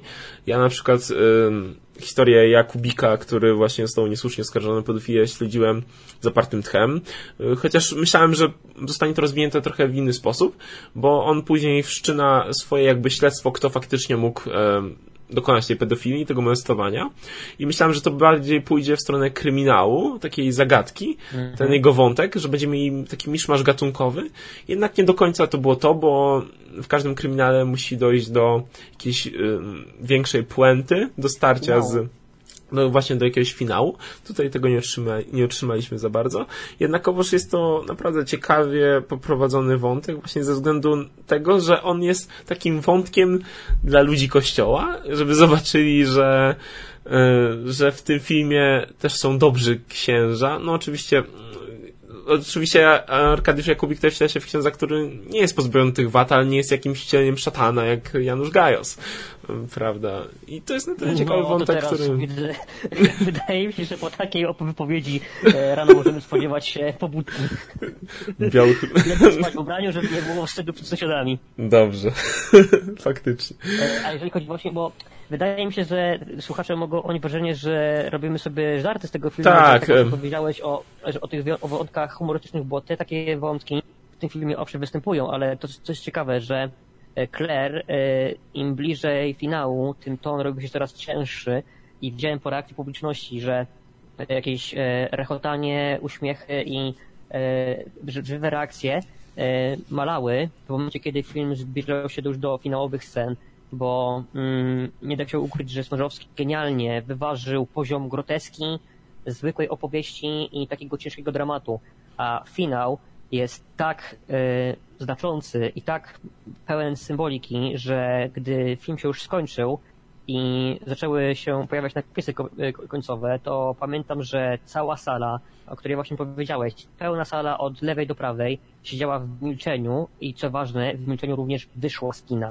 Nie było tak. żadnych rozmów, żadnych komentarzy, po prostu czułem się, y, byłem tak przytłuczony tym obrazem, mhm. tymi finałowymi, finałowymi scenami, że one tkwiły w moich, e, moich myślach jeszcze przez wiele, wiele dni po, e, po seansie i właśnie po tym charakteryzuje dobry film, że to nie tylko przychodzisz, oglądasz, wychodzisz, zapominasz, tylko to jest film, który z tobą chodzi, zaczynasz śledzić, czytać, e, interesować się tym i właśnie Claire jest filmem, który naprawdę wpisze się w pamięć Polaków, zarówno tych, którzy go widzieli, jak i tych, którzy byli, jak powiedziałeś, tacy mądrzy, a wystawili im opinię nie widząc go, bo oni z góry zakładają, że wiedzą o czym ten film jest. Bo, jak powiedziałeś, warto obejrzeć z tego względu, że przedstawiona w nim historia nie jest taka oczywista, jak mogłoby się wydawać. E, sposób jej narracji jest bardzo intrygujący i jest właśnie ten trójtorowy, aczkolwiek też nie udało mu się uniknąć kliszy, bo e, na przykład motyw tego, że jeden z księży e, krzywdził dzieci z tego względu, że w dzieciństwie sam był krzywdzony przez e, Kościół, to już zabrzmiało taką typową kliszą kopiuj w klej. Klisza zapętlenia się. E, tak. Tak, ale tak, aczkolwiek ta scena właśnie, ta scena z tymi dzieciakami była taka, tak przejmująca, że po prostu e, można byłoby usłyszeć e, lot muchy na sali. Po prostu nikt się nie odezwał, nie było, była cisza absolutna. To był jeden z mocniejszych momentów w całym filmie. A takich jest sporo. Właśnie chciałbym... Mm, mogę, bo chciałem się odnieść do tonu, później mi wyleci. Chodzi mi o to, że faktycznie zacząłem żartując, bo ton filmu zmienia się stopniowo, tak jak właśnie prezydent tutaj powiedział. Na początku mamy dosłownie elementy komediowe z popijawy księży, później ton filmu zmienia się w coś w stylu śmiech e, przez kuriozalne sytuacje i łzy, bo tempo i ton filmu zmienia się względem e, rozwoju tych e, trzech wątków. Zaczynamy właśnie od z punktu wyjścia, kiedy mamy jakby komedię stopniową, bo stopniową, ale mamy tą komedię. Później mamy już e, sytuacje iście właśnie tak jak tu powiedziałeś, groteskowe i finalnie dochodzimy wręcz do dramatu, do dramatu ludzi, do dramatu księży i do dramatu osób krzywdzonych przez Kościół bo takie jest brzmienie tego filmu. Zmienia się ono stopniowo i sprawia, że na samym końcu, wychodząc z sali kinowej, no, ja chyba właściwie z tobą nie zamieniłem żadnego słowa, oprócz później, jak tak, powiedziałem, tak. róża lepsza, czy coś takiego. ale, ale, to już, ale to już tam, już później, ale wychodząc z sali kinowej, nikt ze sobą nie rozmawiał, a była cała sala zapchana. E, ciężko było, mi się wydaje, że dużo osób poszło na ten film bardziej z takiej przekory, y, z przekory do obecnej władzy, co zauważyłem mm, widząc to, jak niektóre osoby właśnie zmierzają na salę i dyskutują o no, dość y, takich rzeczach, y, które od razu, tak jakby od razu wiedzieli, o czym ten film będzie i mhm, jaki mhm. będzie. Też się dałem na to nabrać po trailerze. Jednak jak poszli na to, wydawało mi się, że pewnie nie mogli przełknąć niektórych y, scen, jak na przykład ten niesłusznie oskarżony ksiądz pedofil czy coś, bo poszli załóżmy w innym kontekście na ten, na ten film, albo e, wręcz poszli na ten film spodziewając się głupkowatej komedii, a nie solidnego i porządnego dramatu, który w efekcie otrzymaliśmy od Wojciecha Smarzowskiego i otrzymaliśmy takie kino, do którego przywykliśmy, przywykliśmy, jeżeli chodzi o jego produkcję, co mnie usatysfakcjonowało osobiście i pokazało, że nadal trzyma równy poziom. E, jeżeli chodzi o Claire, to jedyna rzecz, która mnie zmartwiła, to fakt, gdy mm, czytałem informacje o tym właśnie produkcji, e, to okazało się, że filmu nie dało się nakręcić w Polsce. To mnie troszeczkę zabolało, bo o ile Władysław, Płacikowski w 12 roku nakręcił Pokłosie, o którym wszyscy wiemy, na jakich motywach jest oparta ta historia, i ten film udało się nakręcić w Polsce, nie było żadnych tam dywersji, ataków na plan, jakiejś tam, jakiejś tam kontrowersji od zburzonych okolicznych mieszkańców, to mhm. o tyle Claire nie udało się nakręcić w Polsce, bo mało która parafia zgodziłaby się na to, żeby na fasadzie jej budynku nasprejować słowo pedofil. Więc jak człowiek się przyjrzy, to na ulicach zobaczy czeskie znaki, bo w Czechach kościoły są, owszem, ale pełnią raczej, yy, raczej formę atrakcji turystycznej, bo to jest bardzo laicki kraj. I między innymi dlatego właśnie y, Claire został też tam właśnie y, przysłany, zdystrybuowany, bo wysyłają Claire na, na Czechy, na Rumunię, na inne kraje. I teraz właśnie pokazują w tych za granicą, jak wygląda może nie to, że rzeczywistość polskiego kościoła, ale na pewno jakie Jej tematy. Część, są, jego część. Tak, jakie tematy są niestety wciąż aktualne i naprawdę ten film jest y, mm, tak, tak, tak znaczący, że chyba jeszcze takim dopowiedzeniem y, tego, co ma do przekazania Claire, będzie reportaż Tomka, Sekiel, Tomka Sekielskiego, który natwierdził właśnie reportaż o ofiarach Kościoła, podobno tak mocny i bez cenzury. Mam na myśli, że twarze osób, które wystąpią w tym dokumencie nie będą chować się w cieniu, nie będą modelować swojego głosu, tylko pokażą się przed kamerą. E, I ten film ponoć ma taką wymowę, że nawet stacja macierzysta Tomka, w której pracował kiedyś, powiedziała, że tego nie puści. Więc ten dokument, jeszcze nie wiem jaki ma mieć tytuł, ale będzie mieć swoją premierę na YouTubie i jestem pewien, że taki dokument obejrzę, bo e, o takich tematach trzeba mówić, żeby w przyszłości ofiar takich zjawisk było jak najmniej.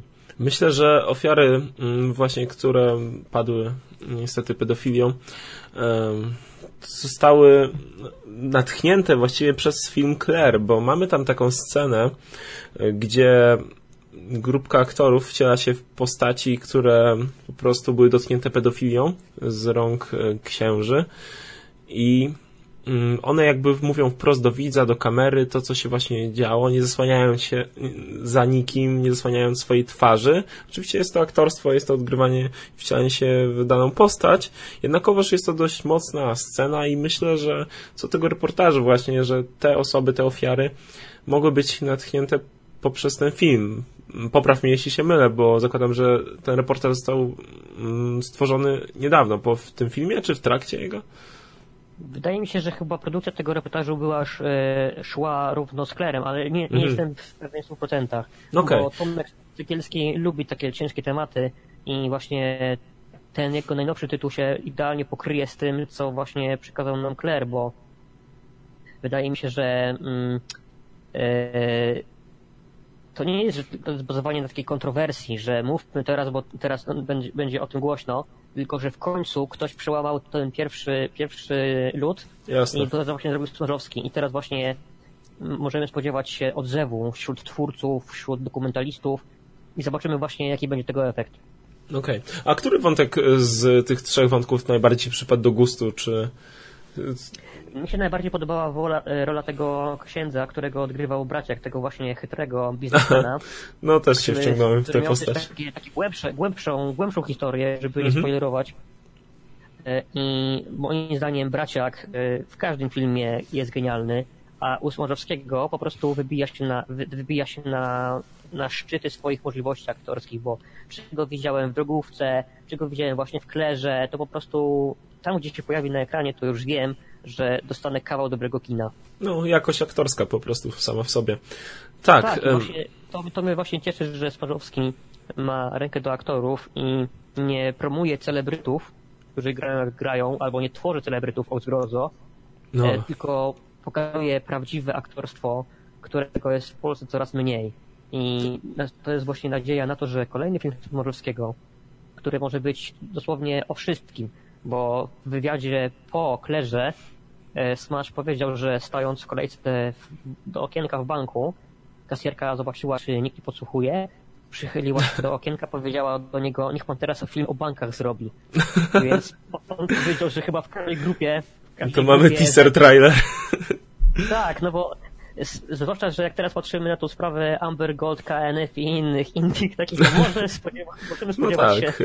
temat jak najbardziej na czasie i zadowoli y, tę grupę społeczną, której, się nie, której nie przypadł gustu Claire z kolei. No właśnie, no, to jest właśnie to zarzucanie Smarzowskiemu stronniczości, gdy się filmu nie widziało.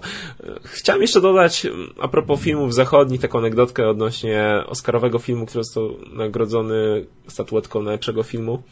Chodzi o film Spotlight. Jeżeli, drodzy widzowie, spodobał wam się Claire, jakimś cudem nie widzieliście filmu Spotlight, to zachęcam. Przede wszystkim plejada naprawdę dobrych aktorów. Sam film skupia się oczywiście na historii prawdziwej, historii, która miała miejsce w Bostonie, w Ameryce. Chodzi o to, że mamy grupkę, grupkę redaktorów śledczych, którzy są redaktorami Gazety Bostońskiej, jednego z większych dzienników w Bostonie, jak nie największego, którzy przypadkowo trafiają na sprawę pedofilii w kościele, w tamtejszym kościele. Jednak y, historia skupia się na samym śledztwie i finał tej historii ma konsekwencje do dziś, jeżeli chodzi o Kościół w samym Watykanie. Gdyż okazuje się, że w samym Bostonie pedofilów było o wiele więcej niż sami redaktorzy tej gazety i reporterzy mogli przypuszczać. Jest to naprawdę wstrząsające dzieło. Sam film ciężko, jest... Ciężko o tym myśleć, że, że takie rzeczy dzieją się właśnie na co dzień, że nieważne jaki odłam kościoła jest, czy to jest rzymskokatolicki, grecko-katolicki, czy właśnie anglikański, to jednak takie zło potrafi się schować pod fasadą instytucji, która, że tak powiem, przyjmuje taką politykę. Daje lekkie przyzwolenie. Tak, bo słynna sprawa z księdzem z Polski Wesołowskim, który, który został, że tak powiem, zasłonięty przez Kościół tajemnicą. Znaczy, nie, to nie była tajemnica, tylko chodziło o to, że gdy udowodniono mu zbrodnię i był za nim wysłany list kończy, to oczywiście ksiądz został wysłany na misję zagraniczną i mhm. instytucja nie musiała podawać, gdzie go wysłali. A gdy, gdy była konferencja prasowa, na której właśnie tłumaczono tę decyzję i jak w ogóle doszło do takiego, takich nadużyć, to padły słowa, że winą za te nadużycia seksualne ponoszą rodzice, którzy nie, nie, nie, otoczyli wystarczającą miłością swoje dzieci. No, pod, podobne rzeczy miały miejsce w filmie Claire, jak mnie mam zaczerpnięte niektóre rzeczy z naszych naszej, naszych realiów właśnie zostały do tego filmu. I, dlatego właśnie. Miejmy nadzieję, że to się jakoś zmieni. Tak, dokładnie. Miejmy nadzieję, że, że to się. Znaczy już to się powoli zmienia, właśnie chyba od tej najgłośniejszej afery bostońskiej. Jeżeli zagłębiłem się trochę w ten temat i skala w Bostonie wywarła na wszystkich wrażenie, szczególnie na samym papieżu. I wiem, że to zaczęło wtedy, zosta- wtedy to zostało tak mocno tępione przez Kościół duszone w zarodku, ale jak wiemy, no Watykan jest tylko Watykanem, albo aż, i nie sięgnie, nie sięgnie wszędzie, więc nie oszukujmy się, że nawet jak mamy sytuację, załóżmy scenkę w filmie Claire, gdzie, gdzie ksiądz, który został skarżony niesłusznie, bo niesłusznie o pedofilię, idzie do arcybiskupa, z, odnoś, z, bo ma spotkanie odnośnie całej tej zaistniałej sytuacji, to arcybiskup wysyła go do senatorium dla księży oskarżonych o pedofilię, żeby go tak, tam na szybko ukryć. Tak, dokładnie. Żeby go tam, tam na szybko jest, ukryć. Tam jest niepokojąco wielu księży. Tak, dokładnie. I sprawa przycichnie, ludzie zapomną i tak dalej, dokładnie. i tak dalej. Ta polityka, że trzeba, trzeba to przeczekać, to się rozejdzie yy, i to pokazuje właśnie podejście instytucji do tego problemu, ale jak powiedziałeś, to ewoluuje i zmienia się w czasie, bo to, co kiedyś było naprawdę zamiatane pod, zamiatane pod dywan, nie można było powiedzieć nawet słowa pedofil w kontekście księdza, mhm. to aktualnie dzisiaj jest coraz większa grupa ludzi, która mówi otwarcie, że trzeba o takich rzeczach mówić, wskazywać i wskazywać takich ludzi, bo abstrahując od, jakby to powiedzieć, od kontekstu, mhm. nie można patrzeć na takie sprawy przez palce. Nieważne, czy ktoś jest księdzem, czy ktoś ma pełni inną ważną funkcję publiczną, jeżeli dopuszcza się aktu pedofilii, powinien to odpowiedzieć. Tak. Odnośnie jeszcze mm, filmu i jego narracji, zmierzałem do tego, mm, jeżeli chodzi o wątek pedofilski, że Smarzowski wydaje mi się, że zbyt dużo tematów chciał dotknąć naraz. Owszem, tak. udało mi się to w lepszym bądź gorszym stylu, bo mamy tutaj właśnie cudzołóstwo księ księdza, mamy tutaj e, pedofilię, niesłuszną, bo niesłuszną akurat, ale również są wątki pedofilskie e, takie typowe. I mamy tutaj jeszcze no, ustawianie przetargów, czyli kościół w polityce i biznesie. I mhm. wydaje mi się, że mnogość tych tematów, właściwie każdy z tych tematów mógłby zasługiwać na trylogię Smarzowskiego, sprawiła, że... Wtedy by społeczeństwo tego nie wytrzymało. Nikt by tego nie wytrzymał. Po drugim, to już byłoby naprawdę... to byłoby grubo. Ale tak. chodzi, zmierzam do tego, że natłok tych tematów może nie psuje wyrazu całego filmu, ale sprawia, że niektóre te tematy mogą zostać potraktowane zbyt po macoszemu. można się przychylić nad nimi jeszcze bardziej, jeszcze bardziej. Można zgłębić źródła, um, jak bardzo Kościół jest zazębiony w biznes i politykę, jak bardzo um, Kościół ukrywa księży pedofilów, jak bardzo jest, jak dużo jest zgniłych jabłek odnośnie cudzołóżnictwa, co w tej sytuacji się robi w tej instytucji itp. itd. Na przykład Spotlight skupiał się na jednej konkretnej historii był potraktowany jako sprawa kryminalna przez osoby trzecie, osoby, które, redaktorów różnych, czyli mieliśmy, mieliśmy reporterów, redaktorów wierzących, niewierzących, ateistów, co dawało ciekawy wyraz filmowi, bo się skupiało na suchych faktach, które faktycznie miały miejsce.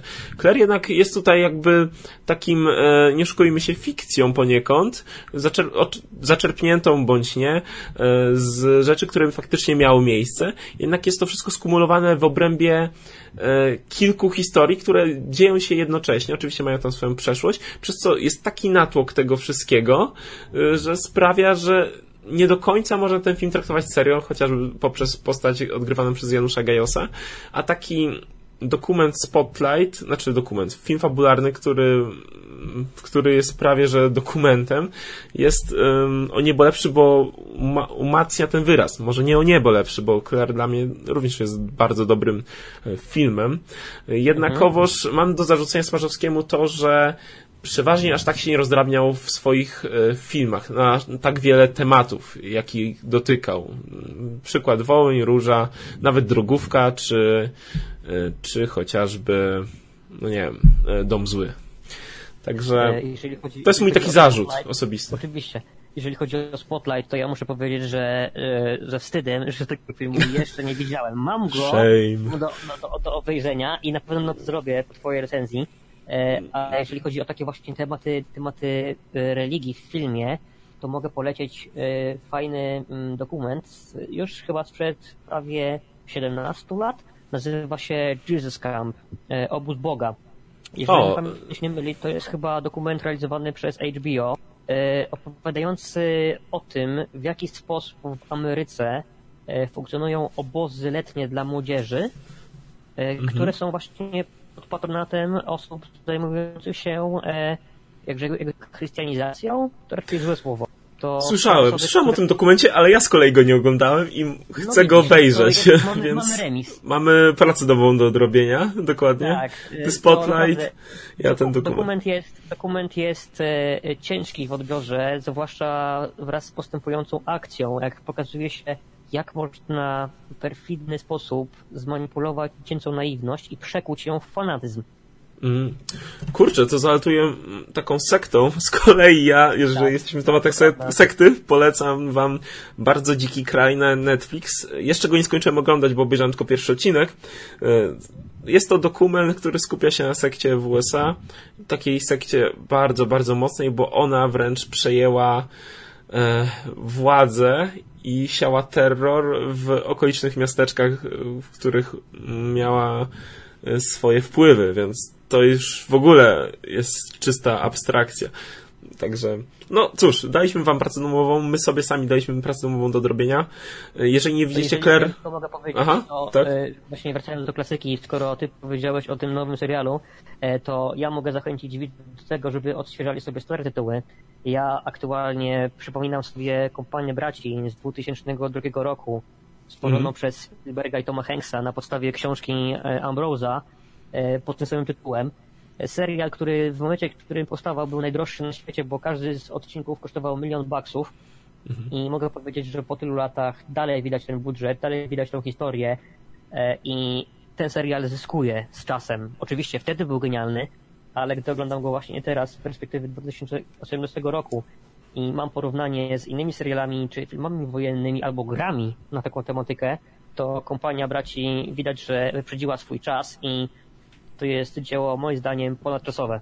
Moim zdaniem Kompania Braci jest to jeden z lepszych seriali, jaki oglądałem. Cieszę się, że przypomniałeś o tym serialu, bo jeżeli już sobie robimy taki właśnie epilog e, odnośnie naszego podcastu, to na pewno chcę wam również polecić Kompanię Braci. Mm, oglądałem ten serial, mam go na DVD. Jest to mój ulubiony, e, jeden z moich ulubionych seriali. Jeszcze on, je, on powstał jakoś chyba po Szeregowcu Rejanie. Jest dystryb... Mhm. Producentem jego był Steve, Steven Spielberg i Tom Hanks, jeżeli się nie mylę. Tak. Oni maczali w tym palce. Na pewno również um, wydaje mi się, że polski operator kręcił niektóre odcinki.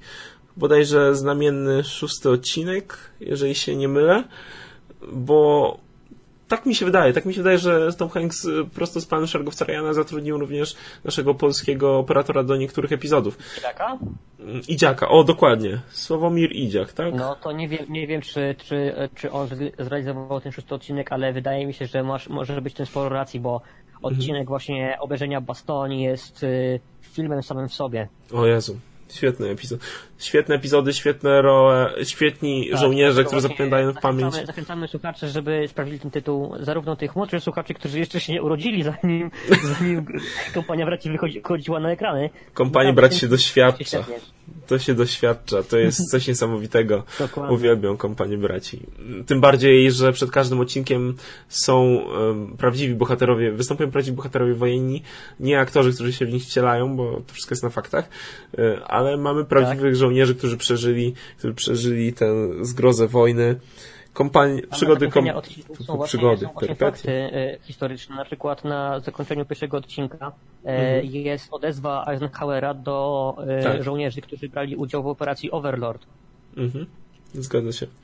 Cóż, zachęcałem Was po prostu do obejrzenia dramatu właściwie kompanii E od od Francji. Oni zaczynają w Francji, zrzut Francji podczas D-Day na Normandię mhm. właściwie. I kończąc na Szwajcarii, nawet byli bodajże. Tak. Nie wiem, czy oni byli w, po... nie, nie byli w Polsce, bez, bez ale... Dobrze, dobrze, dobrze, masz rację, masz rację, bez spoilerów i cóż, zachęcam was do obejrzenia kompanii braci. No, ja też zachęcam, więc załóżmy, że to jest równoznaczne z moim, moją propozycją do do, w tym naszym epilogu propozycji. Także e, mam nadzieję, że ten podcast się podobał. Nie jestem pewien, czy będziemy go będziemy go wrzucać gdzieś indziej poza YouTube. Myślę o Spotify, ale nie wiem, czy tam nie trzeba jakiejś mieć licencji, więc ja się dowiem, jak e, z tym jest. Wiem, że jest aplikacja do podcastów. Może, jeżeli będzie się cieszył zainteresowaniem, to wrzucimy go na taką aplikację, jeżeli byście chcieli, jeżeli by, dla Was to by było konieczne. Na pewno będziemy yy, kręcili kolejne odcinki. Chyba, że masz mnie dość, prezydencie. Nie, nie, nie, wręcz przeciwnie. Tematów jest dużo i warto je omówić właśnie z dobrą osobą. Dobrze, więc y, zachęcam Was y, do zostawienia y, jakichś komentarzy. Po prostu chodzi nam o feedback, co poprawić, co zmienić. Co było słabe, co lepsze. Jest to w końcu nasz pierwszy odcinek, taki wspólny i chcemy, żeby ten podcast, podcast się rozwijał i był współtworzony z Wami. Lepszy. Tak, i był coraz lepszy. Także cześć ludziska. Cześć.